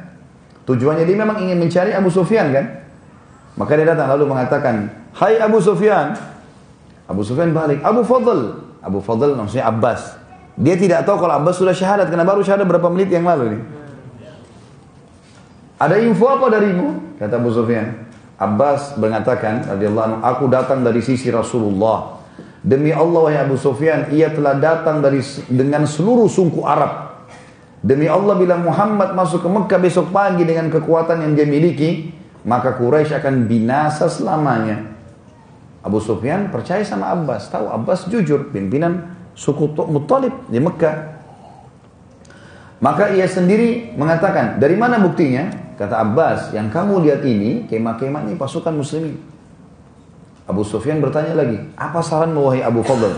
Abbas bilang, ikutlah denganku. Dan aku akan membawamu bertemu dengan Rasulullah SAW dan serahkan Mekah saja tanpa peperangan. Sebelum pasukan besok masuk Mekah, gak ada gunanya, gak bisa menang nanti. Abu Sufyan bilang, bagaimana aku bisa selamat?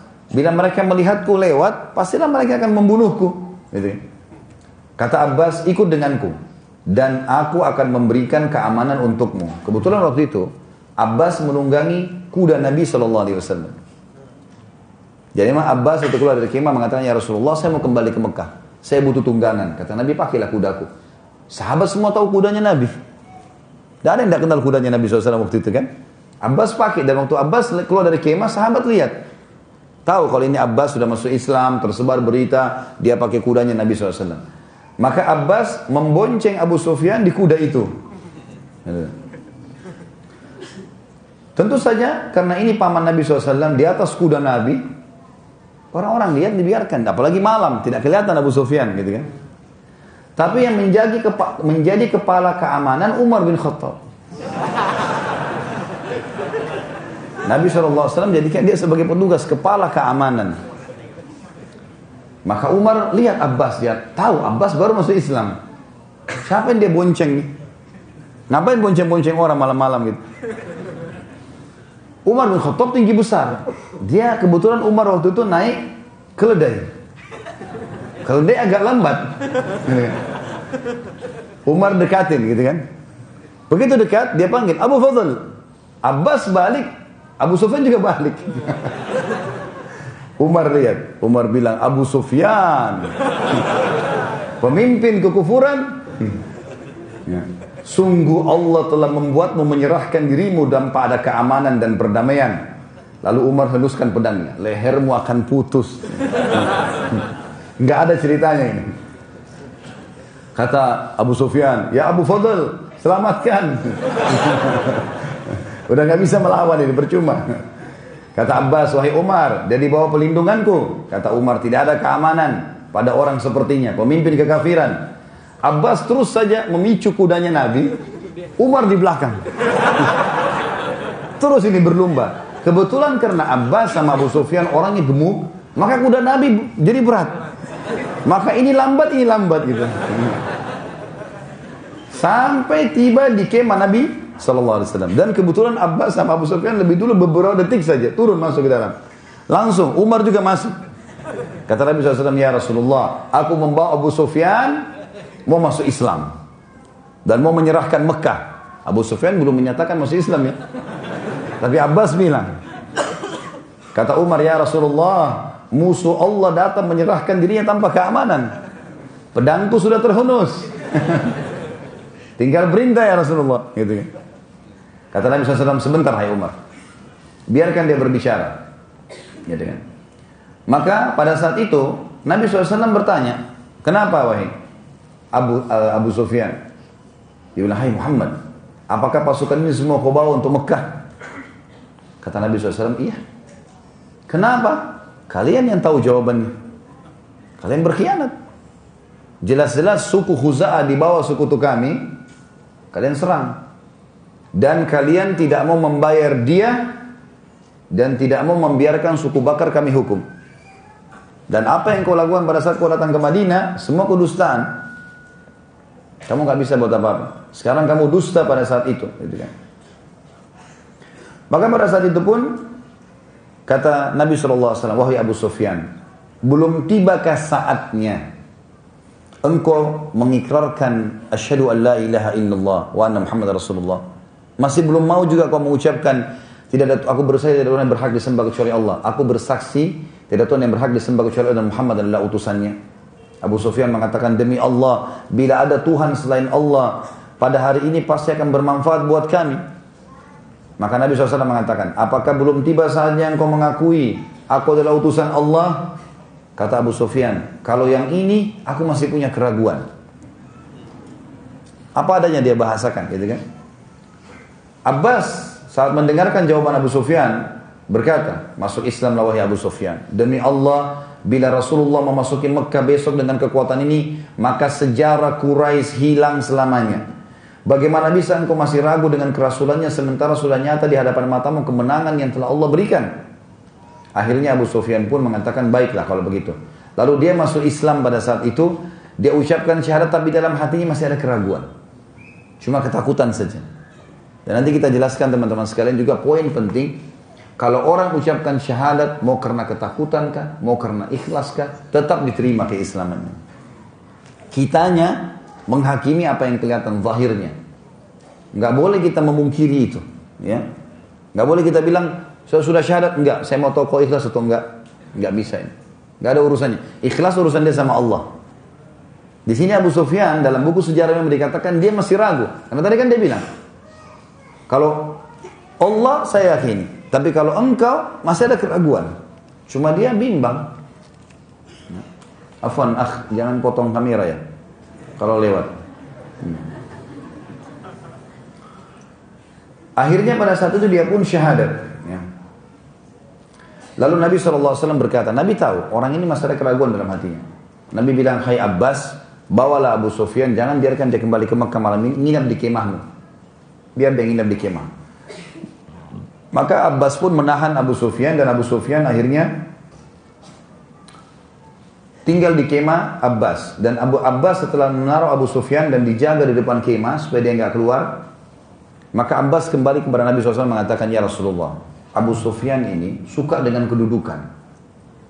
Maka berikan dia sesuatu yang membuat namanya harum di Mekah gitu kan. Supaya dia lebih kuat dalam Islamnya Kata Nabi SAW, baiklah. Saya akan mengatakan itu. Panggil Abu Sufyan, panggil Abu Sufyan. Wahai Abu Sufyan, besok saya akan masuk ke Mekah. Siapa yang masuk ke rumahmu, dari penduduk Mekah aman. Abu Sufyan bilang, ya Rasulullah, rumahku masih kecil. Nampung berapa orang penduduk Mekah? Pokoknya siapa yang masuk rumah Abu Sufyan, nggak akan diganggu oleh pasukan muslimin. Selain itu bisa dibunuh. Ya Rasulullah, rumah saya kecil. Kata Nabi SAW, siapa yang masuk ke masjid haram, aman. Abu Sufyan bilang, ya Rasulullah, masjid masih kecil. Penduduk Mekah ini, semuanya. Kata Nabi SAW, siapa yang menutup pintu rumahnya, nggak ikut-ikutan, dia menyerahkan dirinya, pokoknya dia masuk dan pintu rumah tutup saja, nggak usah ada jalan-jalan, dia aman. Kata Abu Sufyan, kalau ini luas, ini cukup, gitu kan? Abu Sufyan kemudian di pagi hari sempat istirahat malam itu pagi hari setelah sholat subuh mulai menjelang duha dia mau pulang masuk ke Mekah. Kata Nabi SAW sebentar suruh Abbas tahan dia jangan suruh dia pergi dulu. Di malam hari tadi kan Abu, Abu, Abu Sufyan cuma lihat kemah-kemah sama api-api kan? Nggak lihat pasukan. Artinya kelihatan beberapa orang belum kelihatan pedangnya belum kelihatan kudanya belum kelihatan semua. Nabi SAW suruh berhenti Lalu Nabi SAW ajak ngobrol di Abu Sufyan. Waktu Abu Sufyan mau balik ke Mekah, Nabi SAW berkata kepada Abbas, wahai pamanku, kejar Abu Sufyan, tahan dulu dia, jangan dia pulang, dan hentikan dia di antara dua gunung yang menghimpit Mekah. Jadi kebetulan pintu Mekah namanya pintu Bani Syaibah, pintu gerbangnya, itu ada dua gunung besar menghimpitnya waktu itu. Ya. Maka sebelum dia masuk ke sana, tahan dulu. Di situ kebetulan bentuknya ada ini misalnya pintu gerbang Mekah, ini ada gunung, ada gunung, di sini juga ada bukit ini. Pasukan muslimin di belakang bukit. Ini. Maka Abu Sufyan harus mutar bukit itu, lewatin dua gunung baru masuk pintu gerbang kan gitu. Kata Nabi SAW tahan dia di bukit ini di antara dua gunung sebelum lewatin dua gunung itu. Maka Abbas pun mengejar Abu Sufyan saat melihat ya. Saat dia melihat saat Abu Sufyan maaf ini saya sini. Saat Abu Sufyan melihat dari jauh, maka pada saat Ab, ah, pada saat Abbas melihat Abu Sufyan dari jauh dia teriak, wahai Abu Sufyan, ya, teriak dengan keras. Abu Sufyan lagi mau menuju jalan ini, dalam kondisi dia bingung apa yang harus dia ucapkan ke masyarakat Mekah. Percaya nggak mereka kalau disampaikan ada pasukan? Karena mereka belum tahu apa-apa ini. Abu Sufyan karena kagetnya dan takutnya dia mengatakan, ada apa wahai Abbas? Apakah suku Hashim juga mengkhianatiku? Gitu. Ini maksudnya perkataannya saking takutnya dia gemetarnya sampai dia hampir jatuh dari kudanya dan dia mengatakan, apakah juga Bani Hashim akan mengkhianatiku? Gitu. Abbas berkata, sungguh aku tidak menyangka kalau ketakutanmu sampai sama tingkat ini. Abu Sufyan bilang, kenapa engkau teriak wahai Abbas? Sungguh aku kaget dan ketakutan. Abbas berkata, aku diperintahkan Nabi SAW menyusulmu dan menahanmu di tempat ini. Abu Sufyan bilang, memang ada apa? Kata Abbas, aku tidak tahu. Perintahnya hanya begitu. Dan ini juga ciri seorang mukmin. Allah dan Rasulnya perintahkan sesuatu, sholat asar empat rakaat, nggak usah tanya kenapa empat rakaat. Kenapa bukan tiga? Kenapa perempuan, kenapa perempuan ada haidnya, kenapa laki-laki tidak? Nggak usah nanya itu. Jalani saja. Ya. Perintah dan jalankan tugas masing-masing. Saat itu Nabi SAW memerintahkan agar pasukan bergerak, mulai bergerak sekarang pasukan. Dari belakang bukit tadi. Dan Nabi SAW menyuruh menahan Abu Sufyan di sisi kirinya bukit tadi. Sebelum dua gunung besar yang di depan, gitu kan. Lalu Nabi SAW datang menyusul Abbas sama Abu Sufyan dan pasukan disuruh kelilingi bukit itu. 10 ribu tadi ini mutar di situ. Dan pada saat itu kelihatan lagi terang matahari, kelihatan pedang-pedang, pasukan semuanya dilihat. Pada saat itu Nabi SAW membagi juga pasukan jadi lima bagian, tapi lima bagian ini disuruh jalan berurutan. Satu, dua, tiga, empat, lima sampai lima. Satu pasukan berisi, ini dibagi lima ya, sekitar dua ribu orang. Dua ribu jalan. Begitu lewat depannya Abu Sufyan, Allahu Akbar, takbir semua. Jalan ini ke belakang bukit. Yang dua ribu jalan lagi. Begitu terus berputar nih 10 ribu ini. Abu Sufyan tidak bisa lihat di ujung bukit. Dia lihat kok pasukan tidak berhenti-berhenti. Jumlahnya banyak sekali. Kelompok pertama lewat, bagian depan pasukan Bani Sulaim tadi ada seribu orang. Maaf tadi saya keliru, bukan dua ribu, seribu orang dulu. Kemudian sisanya nanti ada dua ribu, dua ribu, terakhir ada tiga ribu orang. Jalan, keliling. Dipimpin oleh Khalid bin Walid jalan. Abu Sufyan kaget melihat jumlah seribu orang di depan ini sangat besar. pasukan kuda, semuanya besi dari kepala mereka sampai kaki kudanya. Lalu Abu Sufyan sempat tanya Abbas dan ada Nabi SAW sebelahnya, siapa mereka ini? Kata Nabi SAW, eh, kata Abbas itu Bani Sulaim. Bani Sulaim tidak ada urusan sama Quraisy. Ya. Dan mereka menyembah berhala juga dulunya. Kata Abu Sufyan, ada apa aku dengan Bani Sulaim? Kenapa ikut-ikutan ini? Aku tidak pernah punya masalah sama mereka. Jelang sesaat saja tiba-tiba muncul lagi suku Khuza'ah. Abu Sufyan tanya lagi, siapa mereka wahai Abbas? Abbas mengatakan suku Khuza'ah yang telah kalian hianati. Lewat 2000 orang. Lalu terus saja pasukan lewat di hadapan Abu Sufyan sampai akhirnya pasukan inti dari Muhajirin dan Ansar pada saat itu tergabung jadi pasukan pertama seribu, pasukan kedua Bani Sulaim seribu, dua ribu jadi sisa tiga ribu, sisa tujuh ribu. 7000 pasukan ini dibagi lagi uh, jumlahnya 2000, 2000, 3000 kan. Lalu Nabi SAW suruh berdekatan. Ini semua dari muhajirin dan ansar. Gitu kan. Pada saat itu mereka dengan perlengkapan besar perang lewat di depan Abu Sufyan dipimpin oleh Nabi SAW sendiri. Nabi langsung ke depannya pimpin kelilingi gunung tersebut. Abu Sufyan kaget dan tidak mengenal mereka sambil mengatakan menutup kepalanya, memegang kepalanya dan menarik bagian imamahnya, kemudian menutup wajahnya seperti orang yang ketakutan sambil mengatakan, "Siapa mereka ini?" Begitu banyak, ya. Wahai Abbas, demi Allah sungguh tidak ada yang bisa menghadapi pasukan ini. Abbas mengatakan, apakah engkau tidak mengenal mereka? Pimpinan mereka kau sudah tahu sendiri, Rasulullah SAW. Dan yang bersama mereka, yang diberi nama pasukan hijau, terdiri dari muhajirin dan ansar. Abu Sufyan kaget dan tidak menyangka dan ia sebelumnya belum pernah melihat pasukan sebanyak itu. Saat Nabi SAW memerintahkan agar Abu, pada saat selesai melihat itu semua, dia lihat dan dia kaget, kata Nabi SAW, berikan isyarat kepada Abbas, izinkan dia pergi. Sekarang boleh dia masuk Mekah. Tadi jangan dulu. Pada saat itu, keimanan Abu Sufyan mulai lebih kuat lagi. Tadi kan baru syahadat saja. Sekarang lihat pasukan, maka dia lebih yakin. Abu Sufyan pada saat memasuki Mekah dalam kondisi ketakutan luar biasa. Dan dia semalaman hilang, orang-orang Quraisy nunggu dia. Karena ditahan di kemah muslimin. Dan disambut oleh pemuka Quraisy yang masih bersantai-santai di Darun Nadwa, masih ngobrol-ngobrol gitu kan. Kemudian dia, mereka tanya, ada berita apa wahai Abu Abu Sufyan? Abu Sufyan bilang, demi Allah di belakangku pasukan dan tidak akan pernah kita mampu menghadapinya. Maka menyerahlah hai Quraisy. Orang-orang kaget semua. Kebetulan di situ ada istrinya namanya Hindun. Hindun binti Utbah yang suruh membelah dadanya Hamzah gitu kan. Nanti juga syahadat ini. Hindun ini waktu dengar Abu Sufyan pimpinan Makkah bilang menyerah, marah dia. Dia mengatakan, ya dia tidak terima itu tentunya. Dia mengatakan, jangan percaya orang ini. Ya. Karena dia sakit hati, ayahnya mati di perang Badar, saudaranya terbunuh dengan muslimin. Jangan percaya. Abu Sufyan menyuruh kalian menyerah, jangan menyerah. Kata Abu Sufyan, menyerahlah. Aku tahu Pasukan muslimin cuma 4 mil dari sini. Hindun sambil marah mengatakan, bunuh saja si gemuk ini. gitu. Suaminya disuruh bunuh. gitu. Kena jengkelnya dia. Bunuh saja siapa saja yang menyuruh kalian menyerah. Karena Hindun tidak sangka kalau pasukan ada besar di luar. Nggak tahu ini. Abu Sufyan berkata, jangan pedulikan wanita ini. Karena aku sendiri melihat kekuatan muslimin. Dan ini istriku, aku tahu siapa dia. Jangan dengar dia, dengar saya.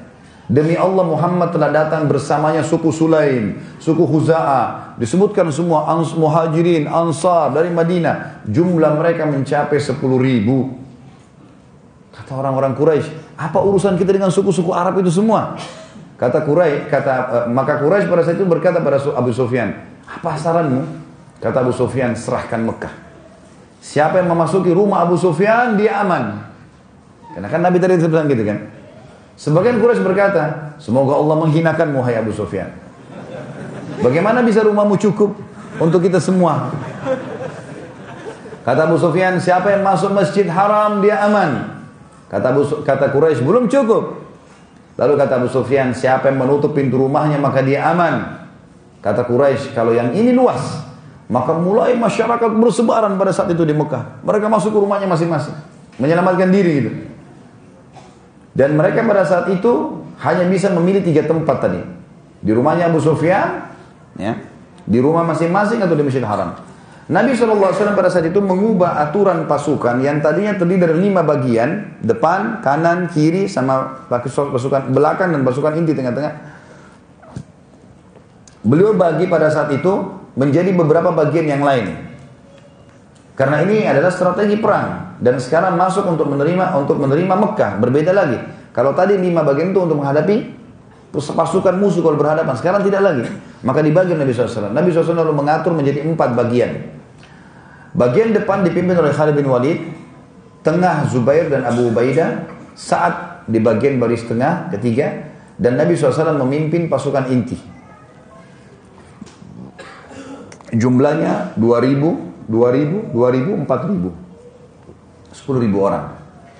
Saat waktu itu, waktu pasukan mulai masuk dan Nabi SAW bagi Khalid bin Walid menuju ke sisi baratnya, sisi, maaf, eh, sisi timurnya Mekah, pintu gerbang Mekah. Karena Mekah dulu punya beberapa pintu gerbang. Yang pasukan saat di maaf, pasukan uh, Abu Ubaidah tadi di sebelah kiri, sebelah baratnya, timur dan barat. Kemudian pasukan saat masuk duluan di pintu gerbang Mekah, baru pasukan inti masuk. Waktu saat masuk ke Mekah, karena tidak terlalu jauh dari pasukan Nabi SAW, rupanya saat teriak dengan suara keras mengatakan, hari ini hari pembantaian, hari ini Allah menghinakan Quraisy.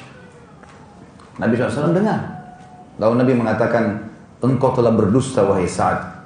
Hari ini hari pemaafan dan kemuliaan. Hari ini Allah muliakan Quraisy. Karena mereka bisa masuk Islam. Gitu kan? Nabi SAW lalu memerintahkan agar bendera ditarik dari Sa'ad dan diberikan kepada anaknya yang bernama Qais bin Sa'ad bin Ubadah agar sukunya dari Ansar tidak kecewa dan faham kalau ini adalah hukuman. Dan kita perlu tahu teman-teman sekalian di sini Sa'ad bin Ubadah sahabat Nabi yang mulia. Tapi dalam peperangan nggak boleh instruksi sembarangan nih. Bahaya sekali. Apalagi dia cuma memimpin sub pasukan, bukan induk. Induk adalah Nabi SAW. Mengucapkan kalimat hari ini pembantaian, hari ini Allah hinakan Quraisy.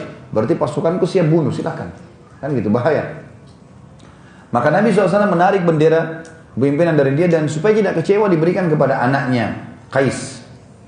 Nabi SAW saat memasuki Mekah, beliau sepakat dengan pasukannya untuk bertemu di sebuah wilayah yang ada gunung Hind namanya, tepatnya wilayah Khif. Namanya. Khif ini wilayah di Mekah yang pernah dipakai berkumpul oleh orang-orang Quraisy dan berjanji untuk memerangi dan memusuhi Nabi SAW selamanya. Sengaja Nabi pilih tempat itu. Di situlah pasukan muslimin akan berkumpul. Khif. Ya.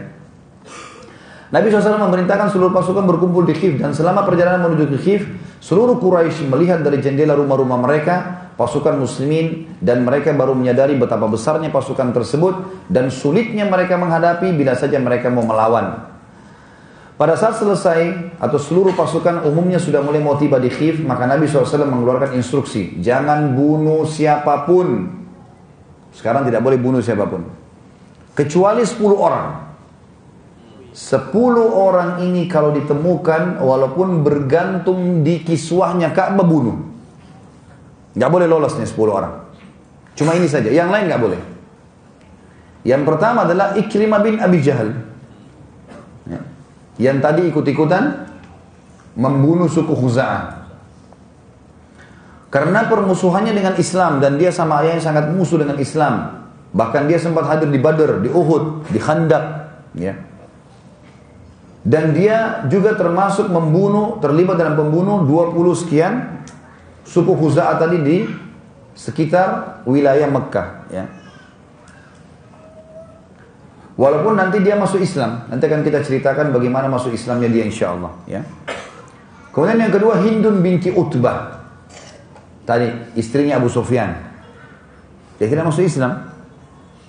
Yang telah membunuh Hamzah radhiyallahu anhu di Uhud, namun akhirnya masuk Islam. Ya. Nanti juga kita akan ceritakan bagaimana masuk Islamnya dia. Kemudian yang ketiga Abdullah bin Sa'ad bin Abi Sarah. Ingat tadi siapa ini? Hah? Sepupunya Utsman, ini yang kasih buku. Fadal. Dapat hadiah buku karena ingat. Dia penulis wahyu yang murtad tadi. Kemudian dia memberikan pendapat Quraisy untuk bayar dia atau ya, Atau apa tadi? Serahkan suku Bakar atau berperang. Nanti kita akan sebutkan juga bagaimana dia masuk Islam ya. Yang keempat Safwan bin Umayyah bin Khalaf. Ini juga karena permusuhan terhadap Islam, dia dan ayahnya Umayyah bin Khalaf ya, memusuhi Islam dan hadir di perang Badar. Dia juga hadir di Uhud. Dia juga hadir di Khaybar, eh, apa di Khandaq ya. Dan dia juga nanti masuk Islam dan masuk Islamnya dia di tangan sahabatnya bernama Umair bin Wahab al-Jumahi yang meminta keamanan dari Nabi SAW dan kena Safwan diberikan keamanan maka dia masuk Islam. Kemudian ada Muqais atau Mikyas bin Subabah. Ini adiknya bernama Qais sudah masuk Islam dan pada saat terjadi perang Uhud sempat ada anak panah muslimin itu tersasarkan kepada Qais, matilah si Qais, dibunuh oleh muslim tapi tanpa sengaja. Hukumnya dalam Islam kalau seorang muslim bunuh muslim yang lain tidak sengaja, maka dia harus bayar dia, denda. Dia harus bayar denda. Maka dibayarlah denda itu, gitu kan? Mesti dibayar kepada keluarga, tapi kena keluarganya orang-orang kafir belum dibayar. Maka si Miqyas atau Muqais ini pura-pura masuk Islam waktu itu hanya untuk mengambil diahnya adiknya Qais. Dia masuk Islam ke Madinah mengatakan, Ya Rasulullah, saya sudah masuk Islam. Adik saya Qais terbunuh di Uhud. Saya mau minta diahnya. Maka Nabi SAW suruh keluarga yang telah orang yang telah membunuh tidak sengaja bayar dia, dibayarlah berapa sekian ekor unta. Kemudian dia pergi ke Mekah dia murtad. Maka Nabi bilang ini orang juga harus dibunuh. Yang kelima, yang keenam, Wahsy bin Harb yang membunuh Hamzah. Kemudian Wahsy nanti masuk Islam tentunya dan Wahsy mengatakan saya tidak mendapatkan cara untuk membalas kejahatan yang saya lakukan membunuh paman Nabi kecuali saya bunuh juga musuh Allah. Maka dia pun akhirnya membunuh Musailam al-Kadzab. Orang yang mengaku Nabi setelah meninggalnya Nabi Muhammad SAW. Dan dia membunuh Musailamah dengan tombak yang dia pakai bunuh Hamzah. Sebagian ahli sejarah mengatakan di titik yang sama. Dan setelah itu dia cabut tombaknya sambil mengatakan, inilah tebusan karena terbunuhnya paman Nabi SAW. Yang ketujuh, Abdullah bin Khattal. Dan ini sempat terbunuh dekat Ka'bah. Jadi dari 10 orang ini ada cuma tiga orang yang terbunuh. Cuma tiga orang yang terbunuh. Yang tujuhnya aman. Karena mereka minta maaf dan masuk Islam. Termasuk yang terbunuh Abdullah bin Khattal ini. Dia coba melarikan diri. Dilihat oleh Zubair bin Awam. Dikejar sampai dekat Ka'bah. Begitu dia pegang kiswanya Ka'bah ditebas oleh Zubair. Yang kedelapan, Ka'ab bin Zuhair. Ka'ab bin Zuhair bin Abi Zulmal Muzani. Ini penyair yang suka sekali menghina Nabi SAW dan, dan, dan muslimin. Ya. Tapi ini akhirnya dia masuk Islam. Si Ka'ab ini masuk Islam, minta maaf dan masuk Islam. Yang kesembilan, Habbar bin Aswad bin Muttalib. Habbar bin Aswad bin Muttalib, ia yang menghadang Zainab, anak Nabi SAW pada saat akan hijrah ke Madinah. Hingga Zainab jatuh dari unta dan keguguran. Ya. Namun ia sempat minta maaf dan masuk Islam. Habbarin. Yang ke sepuluh, Huwairith bin Nuqaiz.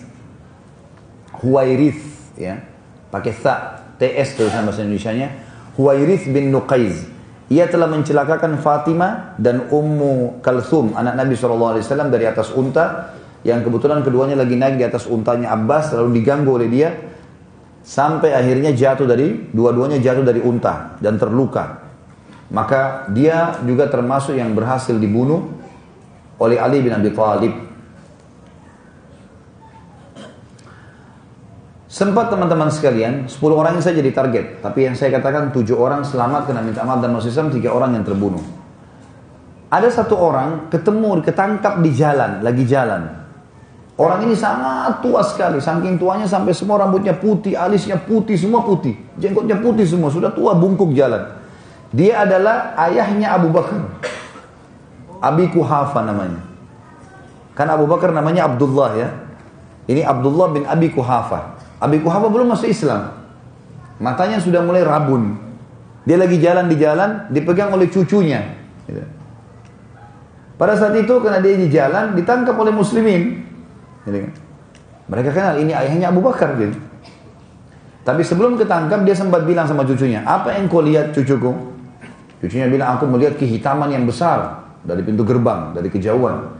Kata Abi Kuhafa, itu pasukan. Apakah engkau, apa yang kau lihat sekarang? Kata cucunya, aku melihat hitam itu terbagi menjadi empat bagian. Kata Abi Kuhafa, itu pembagian pasukan menang. Jadi kalau dibagi menjadi empat kayak Nabi lakukan, berarti itu kelihatan. Karena dari dalam kota Mekah, mereka bisa lihat keluar di pintu gerbang dari tempat yang agak tinggi. Abi Kuhafa di jalan-jalan yang cukup tinggi dia bisa lihat dari luar pintu gerbang tembok Mekah ada pasukan terbagi empat tadi timur, barat, selatan, eh, maaf barat, timur, tengah dan juga belakang. Ia kembali tanya cucunya, apa yang kau lihat sekarang? Kata cucunya, aku melihat hitam itu bergerak. Abi Kuhafa berkata, sekarang akan terjadi pembantaian, maka kita harus segera menuju ke rumah. Karena Abi Kuhafa sangat tua, ia tidak sempat memasuki rumahnya dan ketangkap oleh pasukan muslimin jadi tawanan. Kebetulan pasukan yang menawan Abi Kuhafa membawa membawa Abi Kuhafa kepada anaknya Abu Bakar radhiyallahu anhu majma'in. Dan akhirnya Abu Bakar menggendongnya saking tuanya digendong di punggungnya Abu Bakar. Lalu dihadap dibawa kepada Nabi sallallahu alaihi wasallam.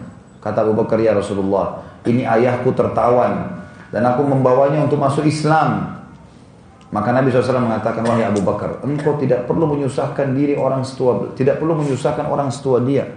Biarkan kami yang mendatangi. Jadi ini adab Nabi SAW. Tidak layak kami, dia yang kamu bawa ke sini. Kami yang datangi, tidak masalah. Kalau masuk Islam, kami yang datangi orang tua. Ini juga sebuah rahmat dari Nabi SAW dan bagaimana beliau menghormati orang tua. Abu Bakar lalu berkata, tidak demi utus, tidak tidak wahai utusan Allah, Anda lebih pantas untuk ia datangi. Maka akhirnya dipandulah Abi Kuhafa masuk Islam di tangan Nabi Sallallahu Alaihi Wasallam. Dan perlu kita ketahui teman-teman Abu Bakar satu-satunya sahabat yang dia ayahnya dia Abi Kuhafa, dianya Abu Bakar, anaknya Abu Bakar, Aisyah dan seterusnya, dan cucunya Abu Bakar semuanya sahabat. Jadi empat generasi. Kata para ulama tidak ada orang seperti Abu Bakar. Luar biasa gitu. Pada saat pasukan memasuki Mekah, Nabi SAW menundukkan kepala beliau sebagai bentuk kerendahan kepada Allah. Sampai jenggot beliau tertekan ke dada beliau. Di atas untanya Nabi SAW. Dan beliau SAW sambil membaca surah Al-Fatih. Surah nomor 29, 29 ayat. A'udzu. Inna fatahna laka fatham mubina.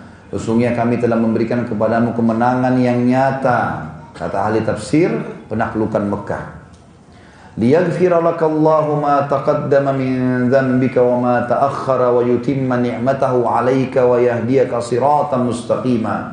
Supaya Allah memberi ampunan kepadamu terhadap dosa-dosa Muhammad Muhammad yang telah berlalu dan yang akan datang serta menyempurnakan nikmatnya atasmu dan memimpin kamu kepada jalan yang lurus. Dan ayat ini menjelaskan kepada kita kalau dosa Nabi yang lalu ataupun yang akan datang belum dilakukan sudah diampuni oleh Allah. Ayat tiganya, wa yang surakallahu nasran aziza dan sungguh Allah akan menolongmu dengan pertolongan yang kuat dan banyak. Ayat empatnya, huwallazi anzala sakinata fi qulubil mu'minin yazdadu imanan ma'a imanihim. Walillahi junudus samawati wal ard wa kana Allahu aliman hakima. Dialah Allah yang telah menurunkan ketenangan ke dalam hati orang-orang mukmin supaya keimanan mereka bertambah di atas keimanan mereka. Dan kepunyaan Allah lah tentara langit dan bumi. Dan Allah maha mengetahui lagi maha bijaksana.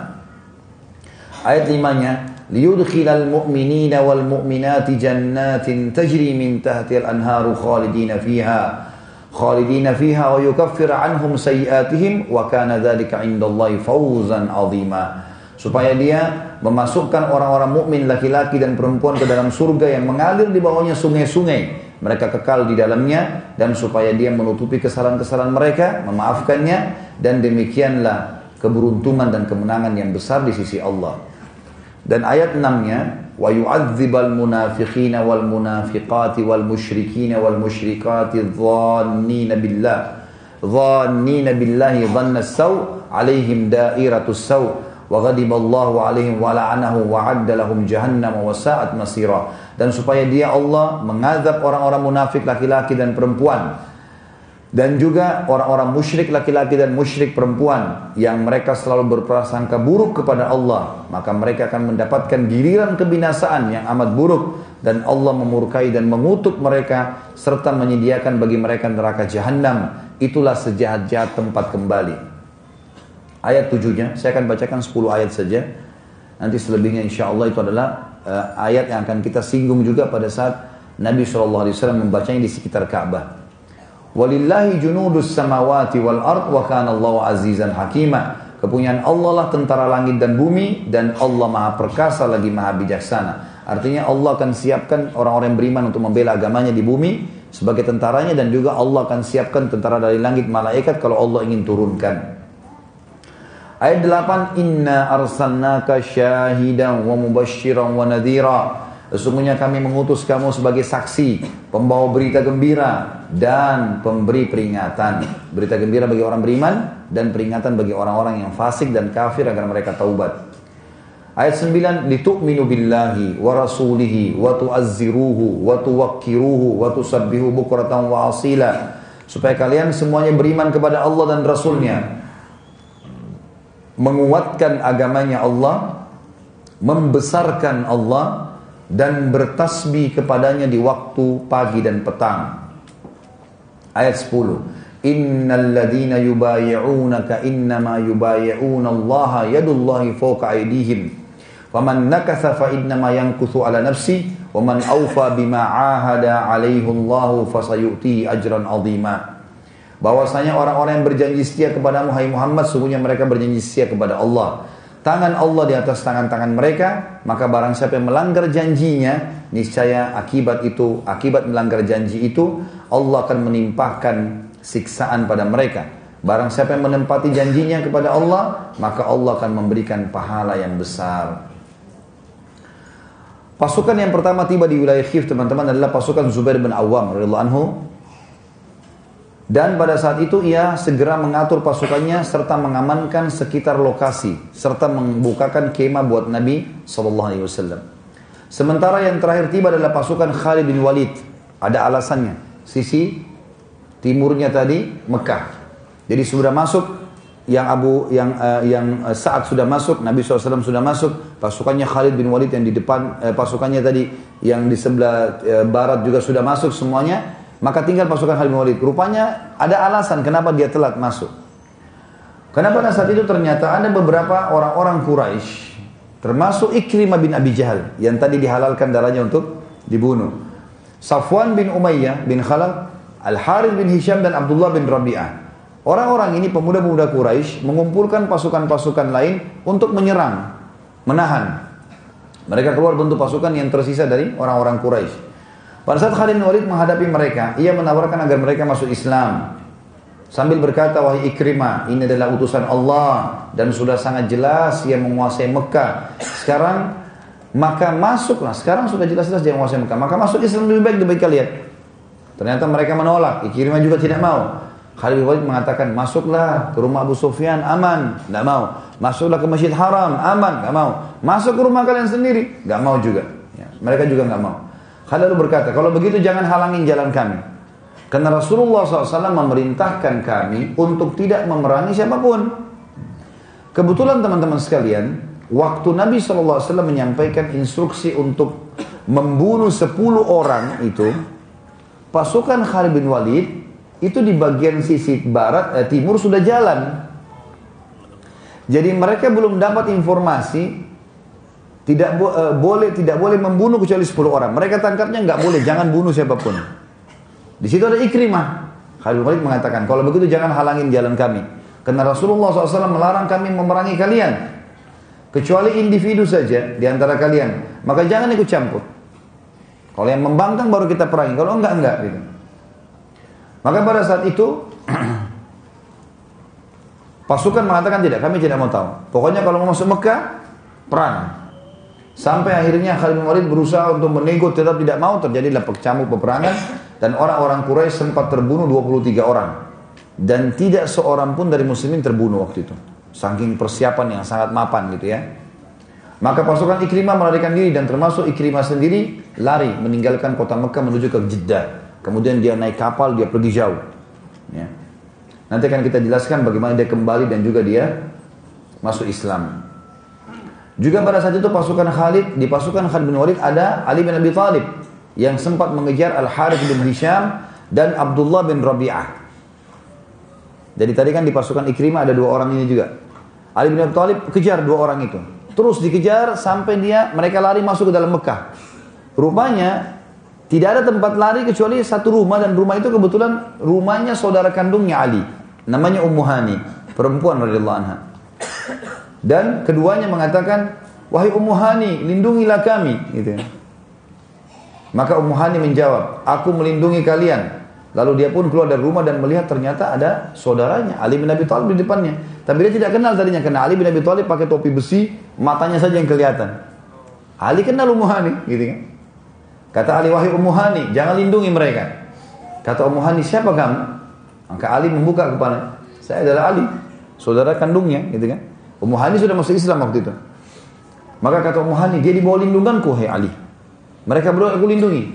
Kata Ali, mereka berkhianat. Tidak boleh menyerang, tapi mereka menyerang. Maka saya harus memukulnya, membunuhnya. Kalau enggak, saya tangkap, saya bawa ke Rasulullah SAW. Kata Ummu Hani, saya akan datangi Nabi SAW. Mereka enggak boleh, jangan jangan kamu ganggu. Kata Ali, kalau gitu saya tunggu depan pintu. Sampai ada instruksi dari Nabi SAW. Kalau tidak ada, saya tunggu di sini. Kalau enggak ada, saya tetap tunggu sampai saya bunuh mereka. Kata Ummu Hani, baiklah, saya akan ketemu dengan Nabi SAW. Ummu Hani pun menemui Nabi SAW. Dan pada saat bertemu mengatakan, Ya Rasulullah, Waktu itu kebetulan Nabi SAW di dalam kemah lagi mau mandi, bersihin badan dan ditutup dengan kain dan yang menjaga Fatimah radhiyallahu anha majmain. Lalu kemudian Ummu Hani izin masuk dan Fatimah mengizinkannya setelah Nabi SAW juga mengizinkan. Lalu dari belakang tirai, gitu kan? Ummu Hani mengatakan ya Rasulullah, aku telah melindungi Al Harith bin Hisham dan Abdullah bin Rabi'ah. Maka kata Nabi SAW, kami melindungi wahai Ummu Hani siapa yang kau lindungi? Dan ini juga pelajaran teman-teman, bagaimana mulianya Islam ya. Karena seorang wanita saja boleh melindungi musuh. Boleh. Kalau dia mengatakan ini di bawah perlindungan saya, nggak boleh diganggu. Nggak boleh ada umat Islam yang ganggu. Kecuali dia melakukan pengkhianatan lagi, maka baru dihukum. Kalau enggak, nggak boleh. Dan kita sudah tahu juga As bin Nabi As. Anak mantu Nabi SAW yang dalam keadaan kafir pernah tertawan. Kemudian dia dilindungi oleh istrinya sendiri, Zainab. Ya. Maka kemudian Nabi SAW menerima pelindungan tersebut. Pada saat Nabi, oh jam 10 sekarang. Masya Allah. Kayaknya harus ditunda lanjutannya ini. Ya saya harus ke Bintaro sekarang ya. Baiklah saya lanjutkan beberapa baris saya teman-teman. Dan ini saya tidak buka pertanyaan hari ini karena kita masih melanjutkan pembebasan kota Mekah belum selesai.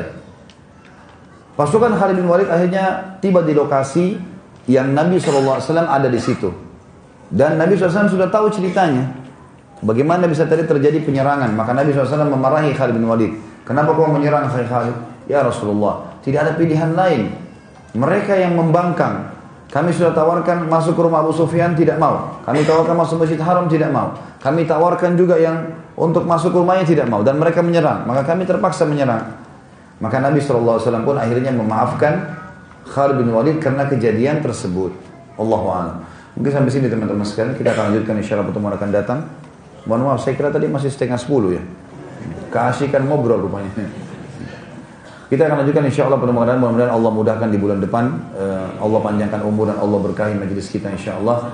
Dan kita berdoa kepada Allah SWT semoga seluruh amal yang pernah kita kerjakan akan kita kerjakan sampai menjelang ajal datang diterima dengan kemahamurahannya dan semoga semua dosa yang pernah kita kerjakan dimaafkan juga dengan yang diganti menjadi pahala.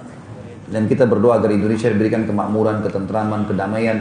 Dan seluruh muslimin bisa bersatu di bawah bendera ukhuwah Islamiyah dan juga mereka kembali dalam ibadah kepada Al-Quran dan Sunnah sehingga tidak ada lagi perbuatan-perbuatan yang bertolak belakang dengan agama dan semoga dikaruniai pemimpin muslim yang adil kembali kepada Al-Quran dan Sunnah pula dan kita selalu mendoakan agar seluruh saudara kita di Palestina, di Syria, di Yaman, di Irak, di Myanmar, di Ahsa, di mana pun mereka sedang tertindas, semoga Allah ikhlaskan niat mereka.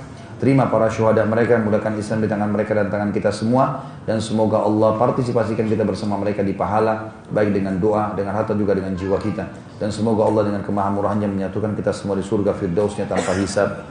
Sebagaimana satuan kita di majelis ilmu yang mulai ini. Kalau ada benar dari Allah, kalau saudara saya mohon dimaafkan. Saya berharap teman-teman sekalian kalau ada yang mau menyoting ini lebih baik menunggu shootingan kami ya. Shootingan kami itu pakai kamera yang bagus, juga nanti diedit ya. Kemudian nanti juga bisa didownload dengan leluasa gitu. Kalau teman-teman shooting sendiri sayang, kameranya pasti beda karena dari HP misalnya, suara kualitas suara juga berbeda kan. Juga gambar harus kami edit, mohon maaf ya. Jadi teman-teman kadang-kadang ada yang buru-buru shooting nanti terus diupload di YouTube lagi. Ini tidak diedit, tidak di apa-apa. Mungkin ada kesalahan nama, mungkin ada kesalahan sesuatu. Sementara tim kami memang pakai editing. Ya. Makanya saya berharap teman-teman bisa memaklumi masalah ini. Ya, dan tidak usah berlomba-lomba untuk membuka channel lagi, menaikkan lagi di YouTube. Ini untuk apa bersaing dalam masalah dakwah? Kalau untuk konsumsi pribadi mungkin lah. Tapi lebih baik, lebih aman nanti di YouTube setelah diedit lebih bersih, lebih rapi, gambarnya bagus ya. Kamera sudah pakai 4K itu. Ya, sudah sangat bagus gambar kualitasnya gitu ya, kualitas gambarnya. Allahu alam. Subhanakallahumma bihamdika asyhadu an la ilaha illa anta. Wassalamualaikum warahmatullahi wabarakatuh harus segera jalan.